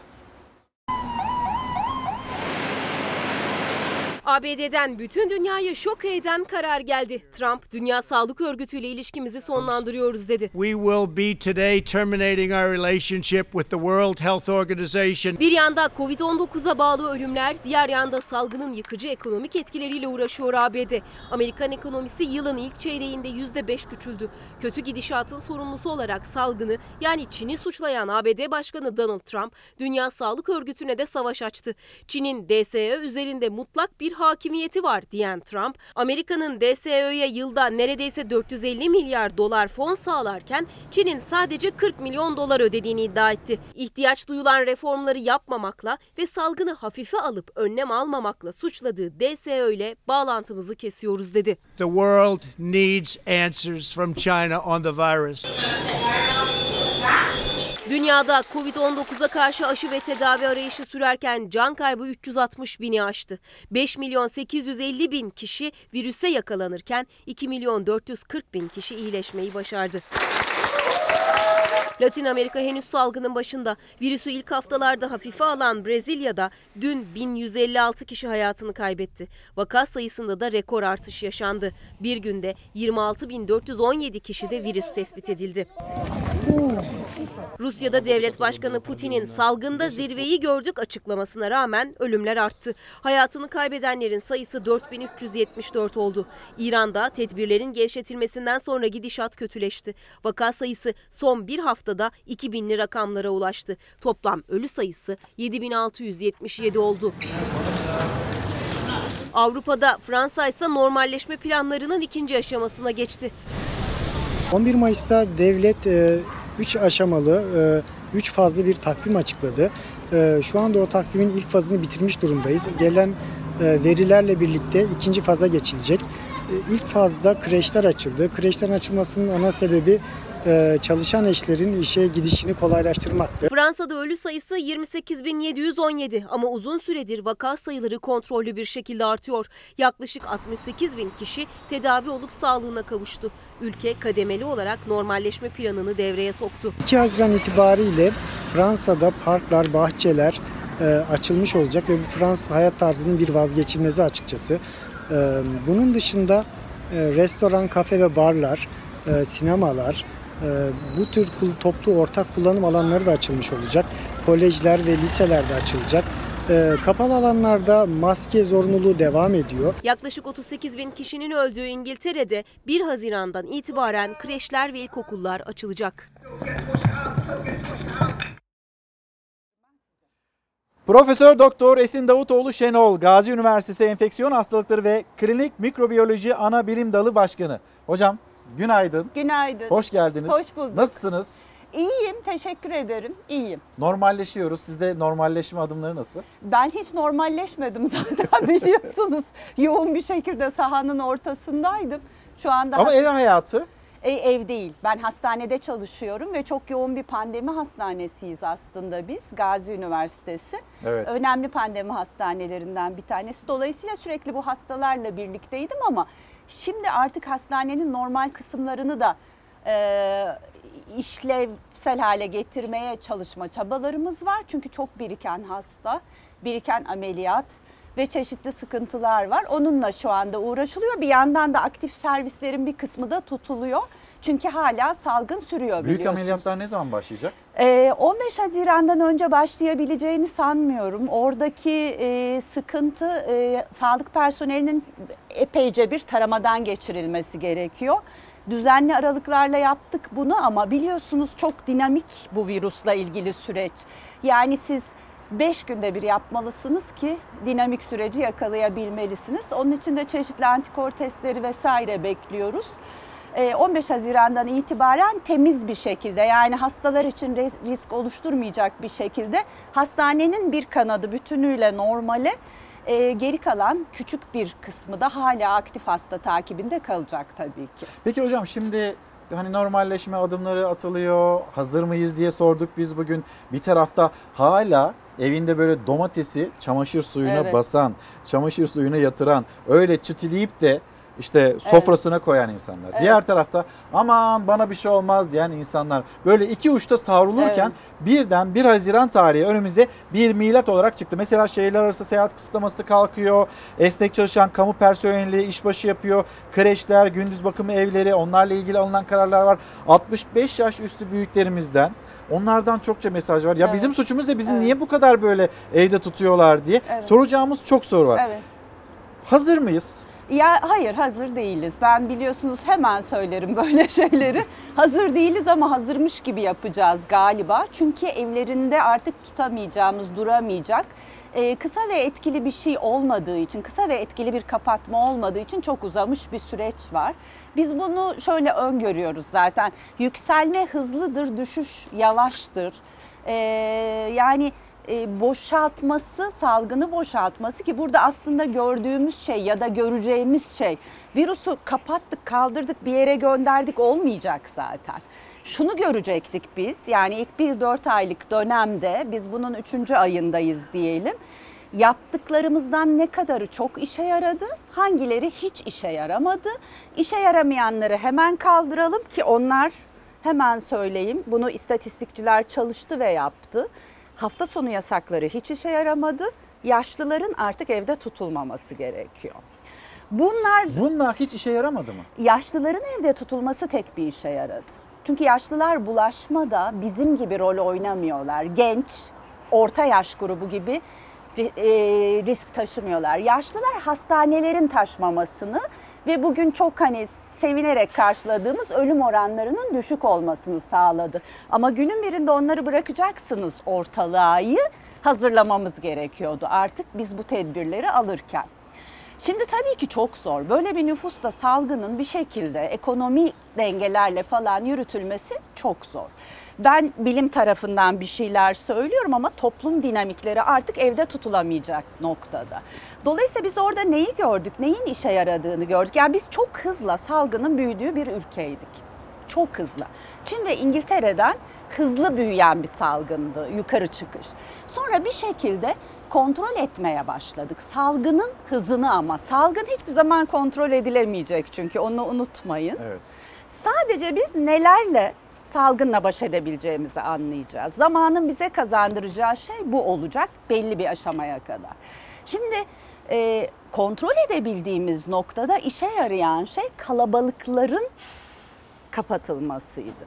Kafeler, restoranlar, okulların kapatılması ve sosyal hareketliliğin önlenmesi çok işe yaramıştı. E şimdi hepsini birden açtık. Şimdi hangisinde ne sorun çıkıyor? Hotspotlar diyor ona yabancılar. Yani sıcak noktalar olacak. Yani mesela bir kişinin yüzlerce kişiye yaydığı bir durum olacak. Peki nereden kaynaklandı bu? Marketten mi? Bu kişi hastaneye mi girip çıktı? Onları bilemeyeceğiz. Birdenbire hepsinin birden Bu açılmasıyla süreçte ilgili. filyasyon takibi hani o iyiydi o zaman öyle mi? Ama şimdiden sonra 1 Haziran'dan sonra bu ciddi bir problem E olacak. şimdi filyasyonu biz aktif e, uygulamayı pasta bulmaya yöneltiyorduk ya. Evet. İşte benim o iki tane aktif klinik hala duracak dediğim nokta. Yani hala aktif vaka devam edecek ve ediyor. Onun için salgın sürüyor diyorum. Hızını kontrol ettik diyorum. Şimdi buradaki riskimiz şu bizim açılma noktası olarak da metod olarak da riskimiz şu. Sayı olarak kritik bir sayıda yapıyoruz. Hepsini birden yapıyoruz. Ee, yeni önlemler devreye girecekse de nereden başlayacağız gibi sorunlar var. Şimdi bütün o filyasyon ekibinizi, o bir insan kaynağı. Evet. Yorulduk hepimiz fiziksel ve mental olarak. Haklısınız. Ve hepimiz de bu kadarız. Yani ben 3 aydır aralıksız çalışıyorum mesela ve benim genç arkadaşlarım ve bir kısmı da hastalandı. Ve morallerimiz çok bozuldu. Bir sürü arkadaşımızı kaybettik filan. Şimdi bu ekibi bu tarafa mı kaydıracağız? Burada yeni bir ekip var mı? Sistematik denetimler, altyapılar için, taramalar için nasıl ve işte bunların açık ve şeffaf olması şu anda toplumu en rahatlatacak. Sizin söylediğiniz o paranoyayla ben bu paranoyayı taşıyamıyorum artık çok üzerimde ağır basınç oluyor. Ben bir gevşeyim deyiş arasında. Boş vermiş insanlar bir kısmı baştan boş vermiş, bir kısmı da bıkkınlıktan boş vermiş. Onu söyleyeyim size.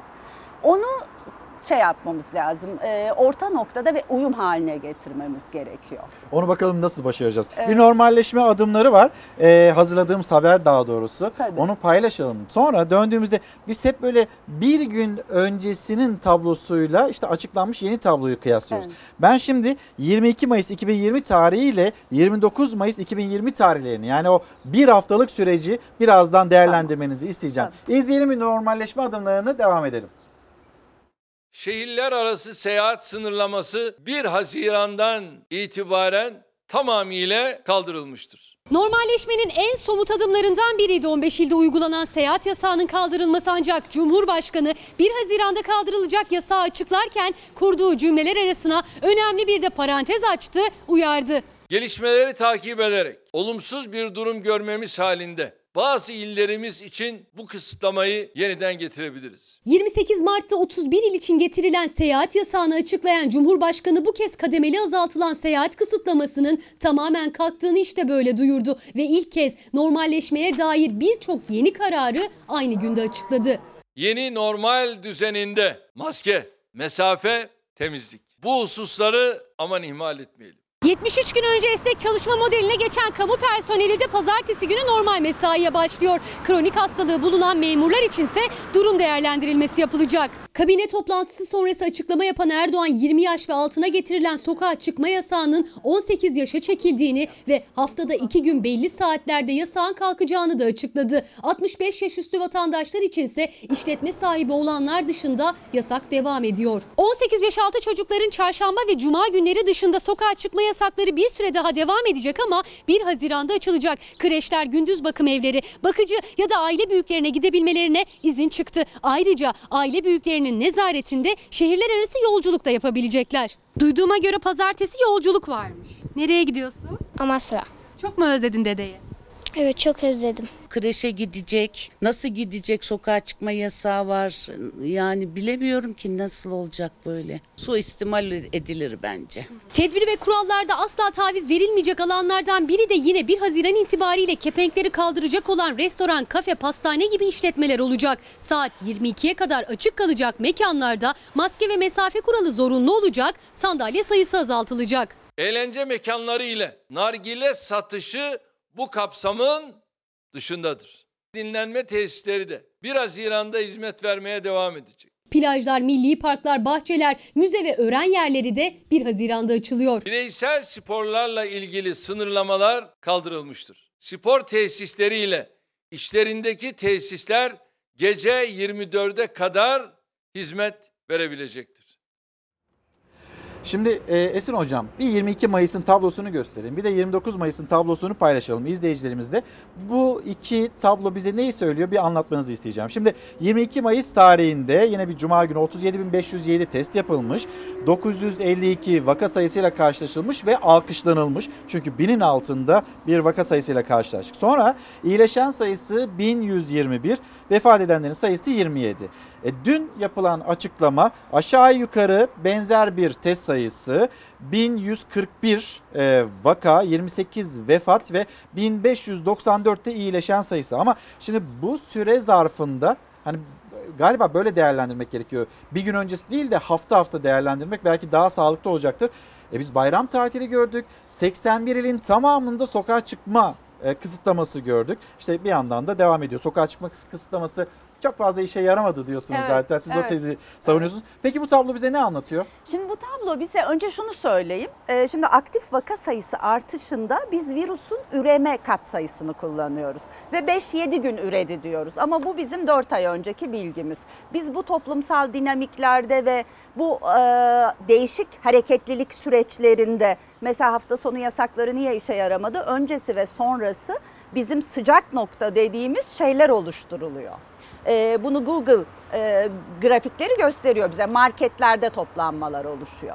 Şimdi biz haftalık olarak bunu görüyoruz ama biz yaptığımız şeylerin sonuçlarını Şimdi bu eğrileri konuşmak ve yorumlamak çok güç aslında. Ben de yüzeyel yorumluyorum. Bunu klinik epidemiyologlar ya da halk sağlıkçıları çok daha detaylı Evet. yorumlar. Esasında onlar arasında bile çeşitli şeyler var. e, açılımlar ve detaylar var onu söyleyeyim. Şimdi şuraya baktığım zaman ben bayramda yaptığımızı göremem. bir ay sonra görebilirim. Ben buraya baktığım zaman neyi görüyorum 29 Mayıs'a? 3-4 hafta önce ben neyi yanlış yapmışım? Neyi yanlış yapmışım? Hafta sonu kapatmalarla ilgili belki de elime gelen sonuçlardan birisi bu. Şimdi vaka sayısının böyle küçük dalgalanmalar göstermesi aşağı inerken sevindiricidir. Aşağıda tutmak güçtür. Yani bunu şey gibi düşünün. Ee, ne diyelim? Ee, yokuş aşağı inen bir kamyon değiliz biz. Yokuş aşağı inen bir kamyon değiliz aşağı inerken. Biz yokuş yukarı çıkan bir kamyonuz. Sürekli vites değiştirerek gitmesi gereken büyük hantal bir kamyonuz. Ve direksiyonu bir sağa çevirdiğimizde dakikalar sonra sağa gidecek. Sola çevirdiğimizde dakikalar sonra sola gidecek. Şunu demek istiyorum. Burada yaptığımız bir ay önce ne varsa 3-4 hafta önce onun yansımaları var. Ama burada zaten şu çizginin üstünde altında gidiyoruz. Üstündeki gitmeler beni şu yüzden korkutuyor. Demek ki ben daha bir 3-5 gün aşağıyı göremeyeceğim. Görsem bile bu stabil olamayacak. Her yukarı çıkış bana bunu düşündürüyor. Bu şu demek. Hangi önlemler çok işe yaradıysa toplanmalar, sıcak noktalar.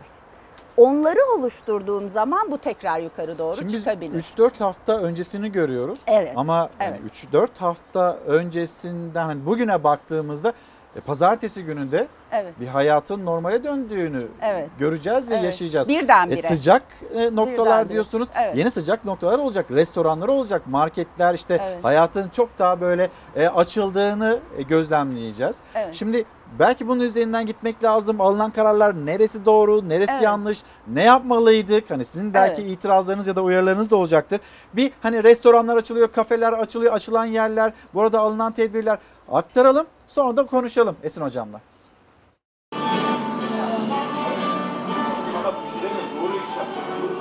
Ciddi kısıtlı bir süre. Ayın 15'ini bekliyorduk. İki ayağımız bir pabuca girdi. Birkaç gün önceden haber verilseydi bu süreçle alakalı daha verimli olurduk. Hazırlıklarımızı daha sağlıklı bir şekilde yürütürdük. Restoran ve kafelerde 22 Mart'tan bu yana sadece paket servise izin veriliyor. Oturmak yasak olduğu için işler düşmüştü. Hatta bir kısmı kepenk indirmek zorunda kalmıştı lokantaların. İki aydan uzun süre sonra 1 Haziran'da yasak kalkıyor. Sosyal mesafe ve hijyen kurallarına uymak şartıyla restoranlar yeniden müşterileri ağırlamaya başlıyor. Bugün işte temizlik yapıyoruz. Ortalığı düzenlemeye çalışıyoruz. Personelimizi toparlamaya çalışıyoruz. Ciddi hummalı bir çalışma var içeride. Çalışmalar tek güne sıkıştı çünkü cumartesi pazar sokağa çıkma yasağı var. Pazartesi sabahı için son hazırlıkları 24 saate sığdırmaya çalıştı esnaf. Masalarda özel kumaşlar yaptırdık. Sosyal mesafeyi korumak için. Restoranlardaki en önemli düzenleme oturma düzeniyle alakalı. Aradaki masalar işte böyle örtülerle kapatıldı ki o masalara oturulmasın diye. Oturulabilir masalara da baktığımız zaman 4 kişilik sandalyeler ikiye indirildi ve ancak çapraz şekilde oturabilecek müşteriler. Bazı restoranlarda renk kattı sosyal mesafe kuralına cansız mankenler yerleştirildi oturulmaması gereken yerlere. Sosyal mesafeden sonra ise hijyen tedbirleri geliyor. En önemli konu menü. Yeni bir yazılım kullanacağız. Misafirlerimiz gelecek. Masalarda her oturulacak alanda bir QR kod olacak. Telefonunu okutacak o QR kodu. Okuttuk QR kodu. Menü geldi. Menüye basıyoruz ve oradan kategorilerle yiyecekler, içecekler. Misafir kendi telefonundan siparişini verebilecek. Dezenfektan ve tek kullanımlık ürünler de artık restoranların olmazsa olmazı. Kapılara iki tane dezenfektan insanlar girdiklerinde ellerini dezenfekte ederek girecekler içeriye. Tek kullanımlık ketçap, mayonez, tuz, biber, baharat, lavabolar dezenfektanlarla her gün temizlenecek. İlaçlama yapıldı tamamen. Personelimiz maske kullanacak. Eskisi kadar bir sefer verimli olamayacağız. Bu kesin. Bir sefer kapasitemizin yarısı kadar, belki de dörtte biri kadar. Bu süreçte ne olur ne biter ayakta kalmaya çalışıyoruz. Restoranlar pazartesi günü açılacak ama eskisi gibi tam kapasite çalışamayacaklar. Aylardır cepten yiyen esnaf bir süre daha rahatlayacak gibi değil. kiralar, personel ücretleri, işte enerji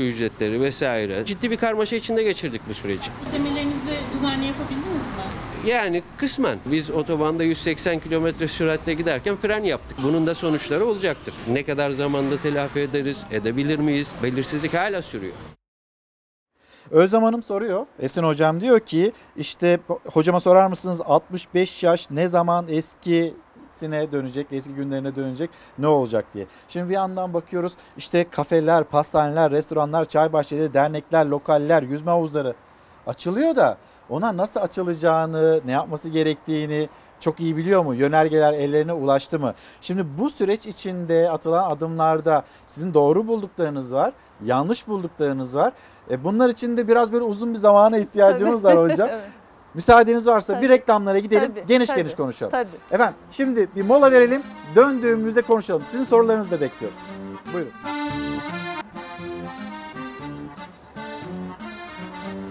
Efendim bir kez daha günaydın. Esin Hocam'la, Esin Davutoğlu Şenol'la yayınımıza devam ediyoruz. Çok merak edilen konu var. Gelen çok mesaj var. Bizim reklam arasında bolca hani böyle konuştuk, konuşma fırsatımız da oldu. Mesela Esin Hocam tatile gidecek mi? Tatile giderse nasıl gidecek? Bir yandan da izleyicilerim soruyor. 1 Haziran itibariyle işte çocuklar, gündüz Evet. e, bakım evleri, Evet. kreşler açılıyor. E bu pandemi süreci bitiyor mu gerçekten? Hani ikna olmaya çok hazır bir Evet, kalabalık evet. var. E, Evet. bizler de öyleyiz. Yani çünkü sıkıldık. Özellikle 65 yaş üstü, 18 yaş altı, 27 de 18 yaşa çekildi. 18 yaş ve altındaki e, çocuklarımız, gençler onlar da çok sıkıldı. İsterseniz hocam nereden başlayalım biliyor musunuz? Yani bu kadar böyle 1 Haziran'da milat olarak işaretlendi ya.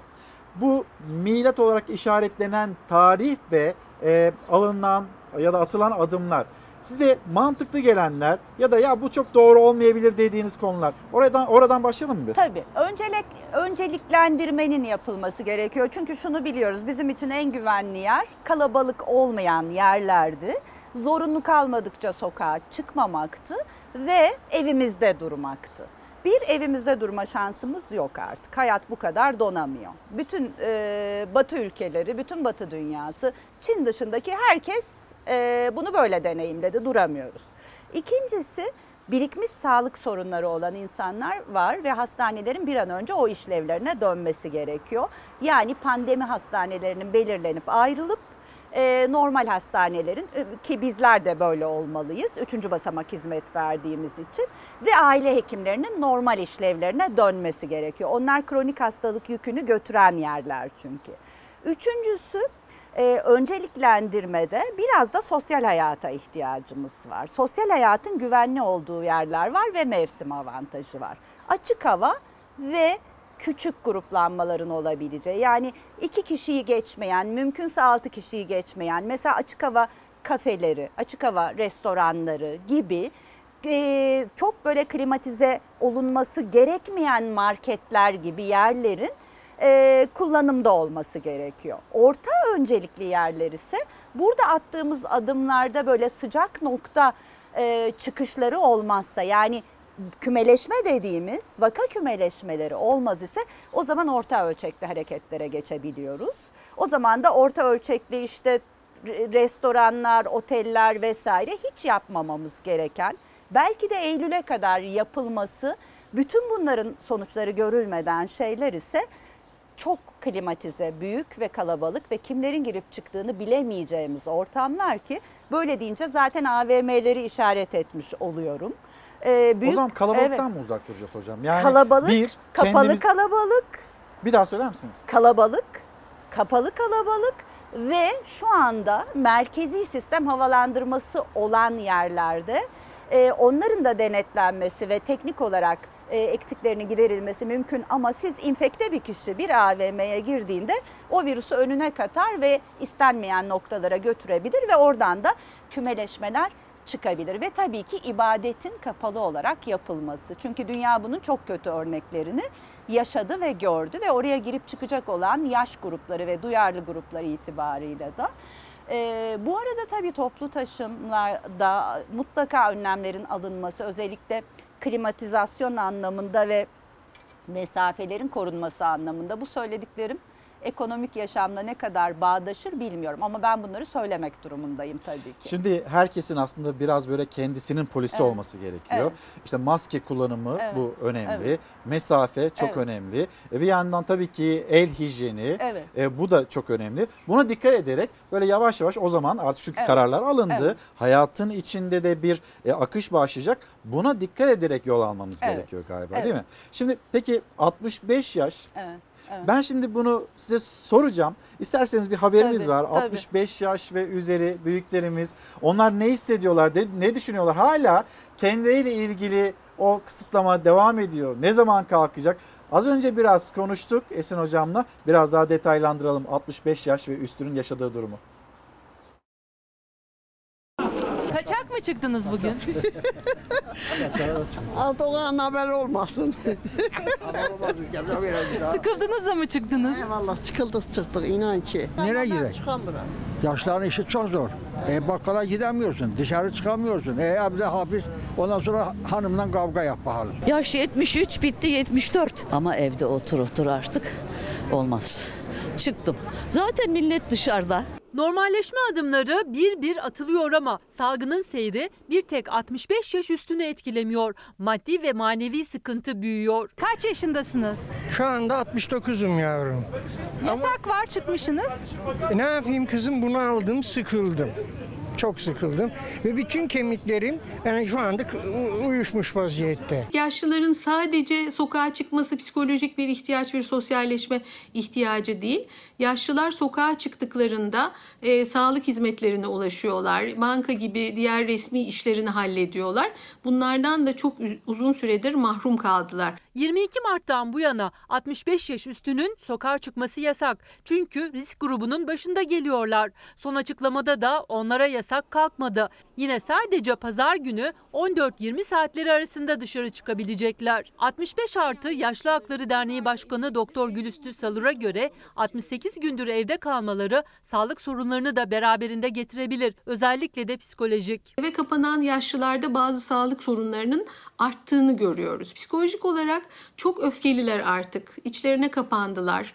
E, küskünlük yaşayanlar var. İzin günlerinde bile sokağa çıkmaya direnç gösterenler var. Zor yürüyorum. Tutuldu ayaklarım. Vallahi ben çıktım serbest mi değil mi var mı bilmiyorum.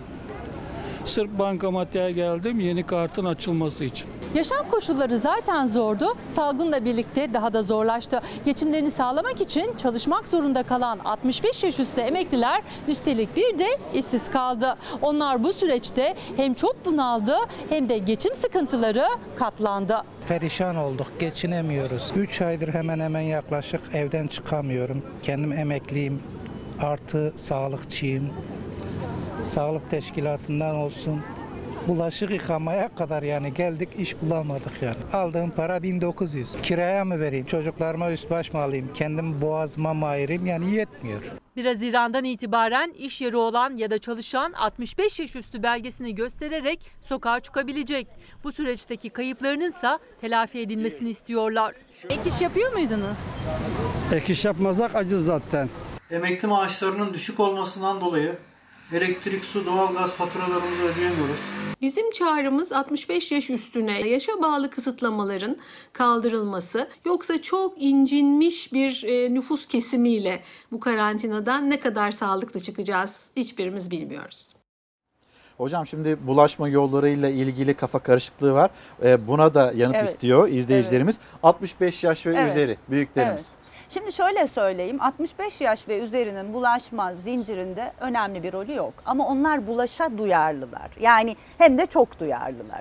Dolayısıyla siz genç e, aktif popülasyonu, hareketli popülasyonu zaten hiç kapatmamışken yaşlıları evde tutmanız e, onların başka sağlık sorunlarıyla uğraşması demek oluyor. Yani ben bu başında mantıklı olabilirdi ama artık yaptığımız şeyi biliyoruz, geldiğimiz noktayı biliyoruz. Her yer açıkken, seyahatler bile açıkken artık bu yasağın yasak artık çünkü bir e, ne diyelim yöntemsel bir şey değil artık. Kısıtlama hafif kalıyor artık. Tabii yasak artık bu. Yani ve o insanlar mental ve fiziksel olarak ciddi sıkıntılarla baş başa olacaklar. Bu da bizim o sıkıntılarla baş başa olacağımız anlamına geliyor.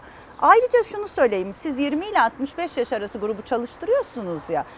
Ee, insanlar evde iki tane küçük çocuklarını eve kilitliyorlar. Anneleri babaları başka bir şehirde ve bu şekilde çalışmaya gidiyorlar. Onun için Zor bir dönem, bir salgın, bir pandemi, büyük bir şey yaşıyoruz. Bunun altyapısı hazırlanmadan, bireysel destek alamadan sizin demin söylediğiniz noktaya gideriz. Kimimiz oturup her yeri dezenfekte etmeye çalışarak hastalanırız. Kimimiz ise boş verdim artık ya yani Allah'ın bir virüsü der dolaşırız. Burayı orta noktada buluşturabilmek ve insanları istediğimiz uyumda tutabilmek için yaptığımız şeylerin ve söylediğimiz şeylerin biz de bilim adamı olarak mantığını ve normal hayatla bağdaşmasını görmek durumundayız. Hocam şimdi e, yolculuk yaparken özel araçta kaç kişi olmalı diye sormuş Bedirhan Bey. Ben de burada hani Tabii. hava yoluyla Tabii. bulaşıyor mu bulaşmıyor Evet. mu neye dikkat edeceğiz onu e, öğrenmek isteyeyim sizden. Murat Bey de Murat Akar da diyor ki Haziran ayında da sokağa hafta sonu sokağa çıkma yasağı olacak mı? Bildiğimiz kadarıyla Murat Bey bu hafta son kez uygulanıyor bir kez daha olmayacak. Evet. Ne dersiniz hocam e, özel araçla yolculuk? Özel araçla yolculuk bildiğiniz kişiler ve kendi aile bireylerinizle yolculuk yapmanızda hiçbir sıkıntı yok. Evet. Ee, ama bilmediğiniz bir kişiyi oturtuyorsanız özel araca kendi yanınıza oturtmamanızı ve ona maske ve mümkünse siperlik vermenizi öneriyoruz. Çünkü havalandırma çalıştırarak gideceksiniz. Normalde üstüne siperlik demeyiz. Damlacık enfeksiyonu için bildiğimiz sosyal mesafe kuralı ihlal ediliyorsa maske yeter deriz. Ama bir havalandırma var ya araçta. Onun iç havalandırmasını kapatarak camları yarı açık tutarak dıştan havalandırma yapacak şekilde ve bilmediğiniz kişiyi götürüyorsanız maske üstüne siperlik ikinizde de olursa yüzde yüz ve iki saatte bir durun ve nefes alın diye öneride bulunacağım. Mehmet Bey yazmış. Mehmet Cüneyt Saraçoğlu. Ee, 16 yaşında bir kızım var. Kendi aracımla kızımla seyahat edebiliyor muyum demekte. Bildiğim kadarıyla bunda bir problem Evet, yok. evet. 18 yaş altı ama Evet. yani orada e, yanında ebeveyni olduğu sürece 65 yaş üstü olmadığı takdirde o yolculuklar yapılabiliyor. Plajlar açılıyor. Denizden Evet. bulaş olmayacağına biz Evet. emin miyiz demiş Burcu Evet. Hanım'ın gönderdiği Eminiz mesaj. deniz ve havuzlardan bulaşma yok. Oradaki mesele kalabalıklaşma. Şimdi şu bulaşma yolları meselesini siz çok detay olarak lütfen e, irdelemeye çalışmayın. Biz bir hata yapıyoruz. Bilim insanları diyeyim ya da akademisyenler diyeyim. Tabii ki her akademisyen de bilim insanı değil ya da bu konunun bilim insanı değil. E, sosyal medyayı ve ekranları çokça kullanmaya başladı ve ekranlarda şöyle bir şey yapıyor. Bir soru bin uzman. Yani bir tane sorunuz var, bin tane değişik kişiye soruyorsunuz. Mesela branşı hiç alakalı olmayan birine de sorabiliyorsunuz. Viroloji temellerini bilmeyen birine de sorabiliyorsunuz. Bir yandan da bir yandan da salgınla baş edemeyen bilim dünyası, bütün dünya için söylüyorum bunu. 1900'lerin salgınıyla baş edemeyen bilim dünyası çok sofistike bir takım teknolojik deneyler yapıyor.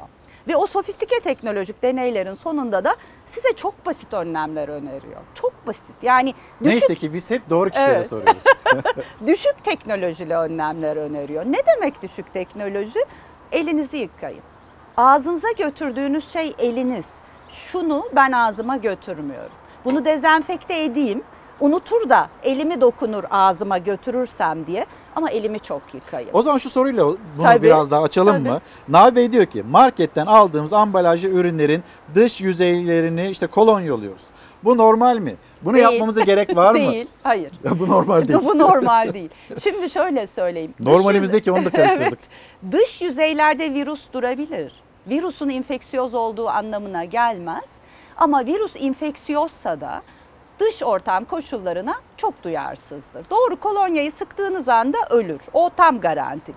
Ama siz daha iyisi market torbalarını boşaltır boşaltmaz elinizi yıkasanız, elinizi kolonyalasanız bu da yeter. Siz ne yapıyorsunuz? Ben eve getirdiğim market torbalarını doğrudan doğruya balkona götürüyorum. Hemen elimi yıkıyorum. Tekrar market torbalarını açıp içindekileri çıkarıp elimi yıkıyorum ve yerlerine yerleştiriyorum. Bu kadar. Başka hiçbir şey. Yani- Çünkü oradaki benim riskim elimi ağzıma, burnuma ve gözüme götürmek. Ve kapalı ortamlarda tabii ki tekrar vurgulayalım. Kapalı ve sosyal mesafe kaçışı olacak ortamlarda maske. Ama maske emniyet kemeri onu unutmayın. Yani maske her şey değil. Öyle olsaydı biz şöyle derdik zaten. Maskelerinizi takın her yere gidin derdik. Belli bir limiti var onun. Dolayısıyla siz öncelikle evden az çıkacaksınız mümkünse. Bu bir. Çıktığınız, evden çıkacağınız en güvenli yer açık hava olacak. Bu iki. Mümkün olduğu kadar kendi kendinize vakit geçireceksiniz. Bu üç. Kalabalıklara girmek durumunda kalıyorsanız ortamın havalandırması, doğal hava, ceryan, sizin söylediğiniz o yüzeylere düşmüş olan bütün o partikülleri falan havalandırma, iyi havalandırma giderebiliyor. Ve sosyal mesafe kurallarının aşılacağını düşündüğünüz yerlerde burnunuzu da kapatarak çok düzgün maske kullanımı istiyoruz. Sıkı sıkı kapalı maske ve o maskeyi de ellemeyin. O da sonra bunun gibi bir dış yüzey oluyor çünkü. Düzgünce bunları yaparsak yani çok aklınızda şu kalsın elimi çok yıkayıp insanların yakınına girmeyin. Kalabalık ve kapalı yerlerde olmayıp bilmediğim insanlarla yakın mesafe temas etmeyeyim. Konuşma, konuşarak vakit geçirme, yan yana nefes nefese vakit geçirme bunlar risk taşıyor. Peki Esin hocam nasıl tatil yapacak? Tatil yapacak mı? Evet yapacağım inşallah. Nasıl yapacaksınız? Benim idari iznim galiba 1 Temmuz'da kalkıyor ve her şey yolunda giderse kalkacak. Yoksa hiç tatil yapamayacağım. Ama şöyle ben küçük küçük bir e, ne diyelim kiralık ev gibi böyle bir haftalık bir şey düşünüyorum. E, doğal havalandırması olan bir yer düşünüyorum. Yüzey temizliğinde sorun yok çünkü orayı çamaşır suyuyla bir kere temizlediğinizde 24 saatte bir temizlediğinizde ve banyo tuvalet gibi yerlere de bunu yaptığınızda orası emniyetli demektir. Ama beni korkutan şey merkezi havalandırmalar, ortak alan paylaşımları küçük yerde olmayacağı için o tarz bir tatili kendi aracımla giderek yapmayı düşünüyorum. Kalabalık olmayan saatlerde plaja gitmeyi ve denize girmeyi düşünüyorum. Plajlarda ve e, denizde sosyal mesafeyi aşarsanız e, ben ona hani sardalyalar gibi bir araya toplanmışlar diyorum bazı plajlar için. Orada ten tene temaslar, dokunma temasları olduğu için siz havadan almasanız dokunarak alıyorsunuz zaten. O sosyal mesafe havuzda ve denizde korunacak. Sıcak noktalar siz işte hotspot Evet. diyorsunuz. Bu, Evet. bu, bu noktalardan Evet. daha çok kaçınmak Evet. gerekiyor. Evet. En başta bunu gördüğünüzde Evet. zaten uzak durmanız Evet. gerekiyor. Ev hala en güvenli bir alan olarak gözükmekte galiba değil mi? Evet, çok sıkıldığımda küçük kafe ve restoranlara gidebilirim diye düşünüyorum ufak ufak ama dış ortam, dış mekan kullanırım. İç ve mekan kendi bildiğim insanlarla 3-4 kişiyi geçmeyecek şekilde giderim. Okullar? Okullar açılmasın. Okullar hotspot olabilir ve yani kötü kötü şeyler yaşatabilir Yani bize. pazartesi gününden bahsediyorsunuz. Eylül'den bahsetmiyorsunuz değil mi? Eylül'den bahsedebilmek için bir Daha Temmuz'u bir, bir dört ayı görmemiz Evet, lazım. doğru. Üzgünüm. Bana birisi sordu salgının neresindeyiz? Kötü üçte biri geçtik dedim. Aman hocam yapmayın dedi ama bu doğru. Bütün dünya için de bizim için de doğru. Aktif Bunun ve yanı sıra hep analitik değil mi? Yani matematiğe bakıyorsunuz, Evet, rakama bakıyorsunuz, evet, veriye evet. bakıyorsunuz. Evet. E, istatistikler zaten Evet, bunu virusun söylüyor. dinamiklerine bakıyorum. Evet. Bugüne kadar çıkardı. Kötü dinamikler çıkarır mı, iyi dinamikler çıkarır mı? Öngörülerde bulunuyorum. İkinci dalga? İkinci dalga birinci dalgaya birleşebilir tabii ki. Bunu Temmuz'da falan görürüz. Ama Temmuz'un 15'i gibi işler istediğimiz gibi gitmiş olursa vaka sayısı o birazcık aktifleşmeden ödün verirse daha rahat bir nefes alabiliriz. Hocam bir iş kesimi daha var. Tabii. Ee, düğün salonları, düğün salonlarından yapılan çağrılar var. Hayat normale dönüyor. E biz de önlemimizi alsak acaba çalışmaya başlayamaz mıyız diye seslerini duyurmaya çalışıyorlar. Bir nedir teklifleri, hükümete seslenişleri, Cumhurbaşkanı'na seslenişleri ve bir de uzmanın e, görüşü. Eğer bu şekilde devam ederse e, kaçak düğün yapılma olaylarının olacağı. Çünkü büyük bütün illerde hemen hemen e, kısıtlamalar kalktı. Kalktığından dolayı buralarda kaçak düğünler olabilir ve biz, bu olaylar salgının daha da çoğalması. Ama bizim düğün salonlarımızda düğün yapılırsa bizler bunları kontrol altında tutacağız. Ateşleri ölçülecek, maskeleri verilecek, sosyal mesafe kurallarına uyulacak. En önemli sıkıntılarımız şu anda biriken kiralar ve günü gelen çeklerimiz ve önümüzde yine ödeme zamanı gelecek olan kredilerimiz var. Gerçekten çok mağduruz. Talep mektubumuzda nakli yardım talebimiz var. Salgın süresi boyunca hizmetlerde kullandığımız yiyecek içeceklerde KDV ve ÖTV'nin kaldırılması var. Ee, yine burada e, salgın dönemince elektrik, su, doğalgaz faturalarında erteleme isteğimiz var. Mücbir sebeple kapalı olan esnaflarımızdan tabela vergisi, KDV'dir, ÖT, e, çevre temizlik vergisidir, işgali harcı gibidir e, ödemelerin alınmaması talebimiz var. E, vergi, SSK, Bağkur prim borçlarının bir yıl ötelenmesi talebimiz var. E, yine bu dönemde esnafın, e, kapalı olduğumuz dönemde esnafımızın kira desteği talebimiz var. E, yine e, mücbir sebepten dolayı bizlerin, esnafların ödeyemediği çeklerden dolayı, ödemelerden dolayı bu ödemelerin mücbir sebebe alınması var. Kapora iadelerinin mücbir sebebe alınma isteğimiz var. Ee, ve sektörümüzde acilen 1 Haziran veya 15 Haziran tarihleri arasında açılma talebimiz var. Bu sektör onlar da yaşadıkları mağduriyeti iletmekteler. Ne dersiniz hocam? Şimdi şöyle bir öneride bulunayım. Canları istiyorsa yapsınlar düğünleri. Öpüşmek yok, sarılmak yok, halay yok, el sıkışmak yok. Öyle düğün mü olur? Evet yani istiyorlarsa yapsınlar. Çünkü orası tam bir hotspot olabilir. Neden olur? Böyle şu mesafeden falan virüs bulaştığı için olmaz. Orada sarılma, dokunma kaçınılmaz olur. Yani orada yan yana gelmek, sosyal mesafenin aşılması kaçınılmaz olur. Orada o maskeler nemlenir. Yani onun için oralar sıcak nokta olur. Temmuz'un ortasını falan bir görmek lazım. Yani biz şu açılımın etkilerini Temmuz'da göreceğiz ya benim Evet. bugün söylediğim matematiğe Evet. göre. Orada hangi noktalar sıcak nokta oluyor öngörülerini kabaca biz kurmaya çalışacağız ya. Aktif izlenmese bile oralar. O zaman bunları konuşmak yani benim o en tehlikeli en sona bırakalım dediğim şeyleri konuşmak daha doğru. Bir araya gelmeler, sosyal bir araya gelmeler en son yapılması gereken şeyler. Aynı futbol maçı meselesi Evet gibi. 12 Haziran'da Evet. başlıyor ligler. Ama seyircisiz ama tatsız değil mi? Yani çünkü orada seyircinin olması ama orada da şey riski var kafeler.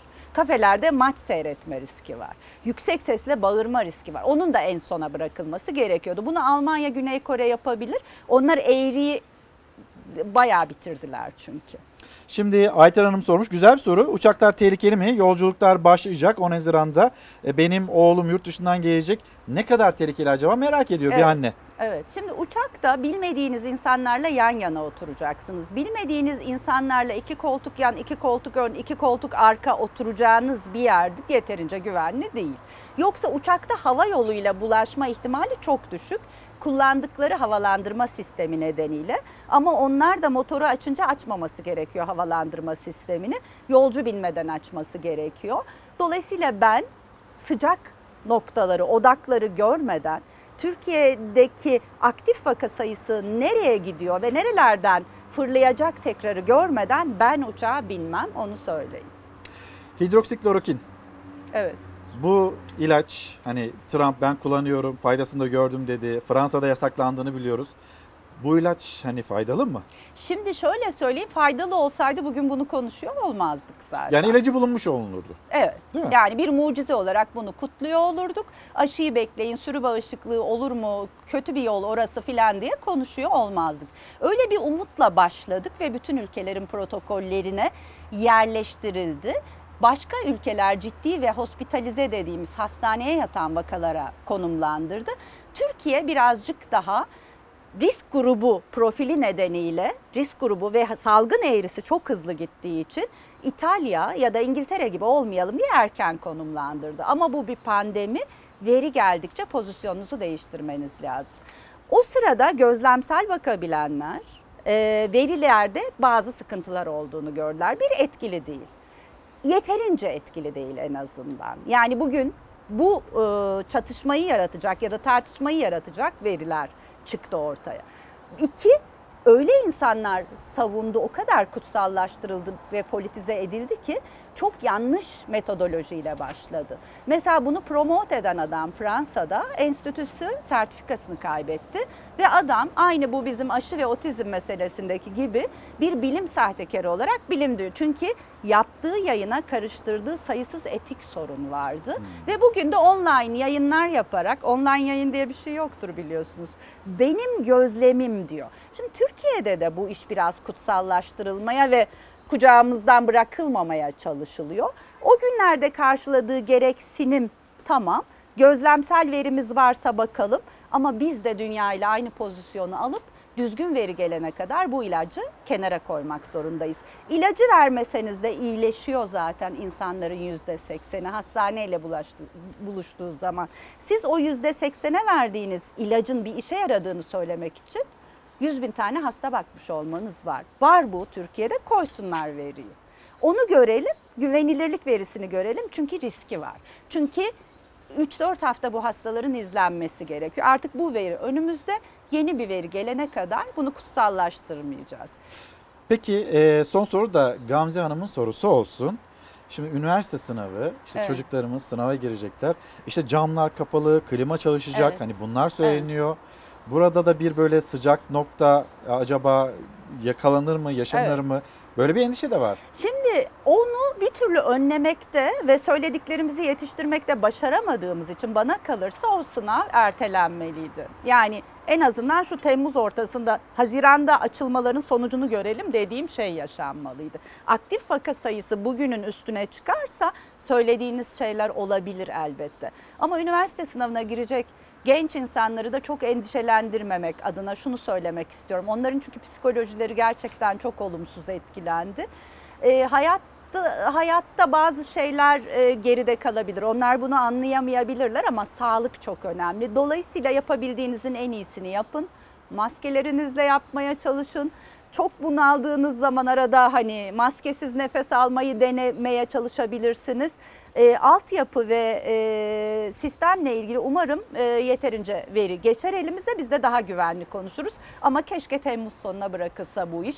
Hala bir umut varsa bırakılırsa ben çok rahat edeceğim onu söyleyeyim. Hocam çok teşekkür ederim. Profesör Doktor Esin Davutoğlu Şenol Gazi Üniversitesi Enfeksiyon Hastalıkları ve Klinik Mikrobiyoloji Anabilim Dalı Başkanı kendisiyle konuştuk. Sağ olun. İyi ki varsınız. Ben şimdi sizi uğurlarken böyle koronavirüs, bunun sağlık boyutuna baktık. Bir de ekonomik boyutuna bakacağız. Her ne kadar büyüme rakamları açıklandı ilk çeyrekte böyle yüz güldüren rakamlar karşımıza çıktı. Ama biz asıl tabloyu koronavirüsün etkisini önümüzdeki e, günlerde göreceğiz. Yani ikinci çeyrekte göreceğiz. Ve bir yandan da bunun matematiğini yapabilmek için İşkur'un önüne bakacağız. 3 aydır çalışmıyorum. Hukuk bürosunda çalışıyoruz. Maaşlarımızı hala alamadık. E, devletten girdiğim zaman kaydınız bulunmamaktadır diyor. Ama biz kaydımızı yaptık. Muhasebeci kaydımızı yaptığını söylüyor. Faturalarımızı, market giderlerimizi kredi kartına yüklendik. Kiramızı ödeyemedik. Üçüncü kiram geldi. Üç çocuk annesi Fatma Yüncü eşiyle birlikte bir hukuk bürosunda asgari ücretle çalışıyorlardı. Salgınla birlikte ikisi de eve gönderildi. Tek umutları kısa çalışma ödeneğiydi ama 3 aydır tek kuruş yatmadı. Banka kredisinden de olumlu yanıt alamayınca mecburen kredi kartına yüklendiler. Ancak çoğu işsiz gibi kart limitleri de umutları da tükendi. Eşim o e, 10 bin lira şeye başvurdu krediye. O da onaylanmadı. Kredi kartında limit kaldı mı? Ne kadar kalabilir sizce? Sözde karı koca asgari ücretle çalışıyoruz. Ama çalışamıyoruz 3 aydır evdeyiz. İşsizlik, eve paranın girmemesi, birikim de yoksa tam bir drama dönüşüyor. Kira, faturalar, gıda, hele bir de çocuklar varsa çaresizlikte son nokta oluyor. Bekliyoruz ki para, bekliyoruz para, yok para ortada. Oradan buradan borç alarak hayatımızı sürdürmeye çalışıyoruz. Ne zaman öderim geri diyorsunuz? Ya geri bilmiyoruz yani önümüzü de göremiyoruz. İşkur'un yolunu tutanlardan biri de Turan Kığdı. O da iş için değil, kısa çalışma ödeneği yatmadığı için İşkur'un kapısında. Ayın sonunu borçla getiriyor. O arkadaşlarının, akrabalarının kızının gözüne bakmakta zorlanıyor. Benim bir kız çalışıyor. O da kısa çalışma ödeneğinden dolayı yani o ben de bir baba olarak onun eline bakmak istemiyorum. Arıma gidiyor tabii. Yani e, gidip de bir arkadaştan borç istediğin zaman da zorlanıyorsun. Yani utana utana istiyorsun. Borcumuz var, derdimiz var, çocuk okutuyoruz. Nasıl dönüyor mutfak, faturalar? Yetişmediği yerde babamdan veya annemden destek alıyorum. 81 doğumluyum yani 37 yaşındayım. Murat Kurumsa 37 yaşında o da kısa çalışma ödeneğine başvurmuştu ama emeklilik sebebiyle ödenekten yararlanamayacağı belirtildi. Hatayı düzelttirmek en azından 1600 lira civarında olan o ödenek yatsın diye İşkur'un kapısını çaldı. Valla burada emekli olması nedeniyle hak etmedi yazıyor. Ama emekli falan değilim. Emeklilik yaşınız mı geldi? Hayır öyle bir şey de yok. Zor çünkü e, iki tane çocuğum var, faturalarım var. Ödeyemediğiniz faturanız var mı? Elektrik, su faturam var. Bunları ödeyemedim. Kaç aydır? İki aydır. Serhat Kaplan sayısız aslında Türkiye'nin çok ihtiyaç duyduğu bir dalda eğitim aldı. Tarihi kültürel binaların restorasyonunda görev almak için yıllardır atama bekliyor. Ancak çok sevdiği mesleğinden vazgeçmek zorunda kaldı. Ne kadar zamandır işsizsiniz? 2014 mezunuyum. 2014'ten beri atama bekliyorum. Hiç geliriniz var mı? Olanı da tükettik. Şimdi ne iş başvurusu yapacaksınız? Herhangi bir iş ne olursa. Efendim şimdi sizleri bir de Soma'ya götürelim. Orada yaşanılan bir su problemini de yetkililere iletmiş olalım. Sularla büyük sıkıntımız var. Bunu gereken yere bildiriyoruz. Taşımayla getiriyorlar ufak tankerle. Tankerde su taşıma yönteminde sorunlarına çare olmadı. Vatandaş salgın günlerinde temiz suya hasret kaldı. Tankımız olmasa olan su. Ha, tanktan akıyor. Akşama kadar su gelmiyor. Akşamdan sonra gelen su da sırf çamur geliyor. Ne yapacağız biz şimdi? Yani devamlı parayla su mu alacağız? Burası Manisa'nın Soma ilçesindeki Cenkeri mahallesi. 5000 nüfuslu yerleşim yeri yıllardır temiz suya kavuşamadı. 2 yıl önce Manisa Büyükşehir Belediyesi'nin yaptığı sondaj çalışması da sorunu çözmedi. Taşımadı suyu deme, deme dönmez diyorlar ya. Sulardan memnun değiliz. Suları sık sık kesilen, aktığında da sapsarı dökülen su vatandaşı bezdirdi. Onlar da çareyi geçici olarak tankerlere su getirmekte buldu. Sularımızı içilebilir olmasını istiyoruz. Su geldiğinde bile simsiyah geliyor. Ne çay kaynatacak değiliz. Yani su sorununu çözelim. Böyle olmayacak. Cenkeri sakinleri elini yüzünü temiz suyla yıkamayı adeta unuttu. Koronavirüs salgın döneminde temiz su ihtiyaçları daha da arttı. Yetkililerin bizi sık sık bolca bol sabunlu suyla ellerimizi, kendimizi, temizliğimize dikkat etmemizi önermelerine rağmen su bulup yıkayamıyoruz. Halk su sorununa kalıcı bir çözüm bulunması için yetkilileri göreve çağırdı. Ah suyumuza bak. Bunu Soma yetkilileri, Manisa yetkililerine bildirmek istiyorum. Bakın sadece sapsarı su. Nezihe Hanım günaydınlar. E, iş yerinde işte başlıyor 1 Haziran itibariyle işe gideceğiz demekte. Ama ben hastım, astım hastasıyım. Nasıl olacak? Bununla ilgili bir düzenleme yapılması gerekmez mi diyor. Mesela kamuda bununla ilgili bir planlama yapıldı. Kronik hastalığı olanlar, onların hani böyle idari izinlerinin devam etmesiyle ilgili bir adım atıldı. Ama belki özel sektör, özel sektörün de bu anlamda e, kendi çalışanları için özel durumlarında gözetip e, adımlar atabileceğini ya da atmaları gerektiğini söylemek gerekiyor. Rahim Hanım göndermiş. E, bu kreşlerden bahseder misiniz? Çocuklarımızı gönderelim mi göndermeyelim mi diye. Az önce sorduk hocamıza, Esin hocamıza. Kendisi yani çok erken buluyor. 1 Haziran tarihinde e, bu kreşlerin açılmasında. Netice itibariyle çocuklar, o çocukların yani sosyal mesafeyi gözetmesi ya da yüzlerinde bir maskeyi tutmaları, bulundurmaları elbette kreşler önlemlerini alacaklardır. Ama yani o çocuklar, o çocukların hani etrafları, aileleri, o ailelerin kurduğu temaslar, çocuklar da acaba bu virüsü taşıyor olabilirler mi? Bu endişelerle beraberinde geldiğinde ne bileyim gönderilmese daha iyi, okullar açılmasa daha iyi olur dedi Esin Hocam. Şimdi bir mola verelim. Gelen mesajlar var. Birkaç cümlemiz daha var eklemek istediğimiz. Onları da reklamlardan sonra sizlerle paylaşalım. Efendim bir kez daha günaydın. Çalar Saat hafta sonuna nokta koyacağız. Ankara'dan gerçekleştirdik yayınımızı. Saatler 8.30 gösterdiğinde bizler karşınızdaydık. Hem memleketten e, mesajlar paylaştık, sizlerden gelen mesajları hem haberleri paylaştık. Hem de bu koronavirüs önümüzde artık 1 Haziran tarihi bir milat olarak duruyor. Anlamaya çalıştık. Hazır mıyız sorusunu bugün sorduk ve sizlerden de yanıtını bekledik. Ve kapatırken her zamanki gibi teşekkürümüz sizlere. Bizi izlediğiniz için çok teşekkür ederiz. Ankara'dan sizlere hoşça kal diyoruz. Ama yarın saatler 8.30 gösterdiğinde bir aksilik manikeler olmazsa bizler yine burada Fox ekranında Çalar Saat hafta sonunda sizlere günaydın diyeceğiz. Hoşça kalın. Güzel bir gün olsun.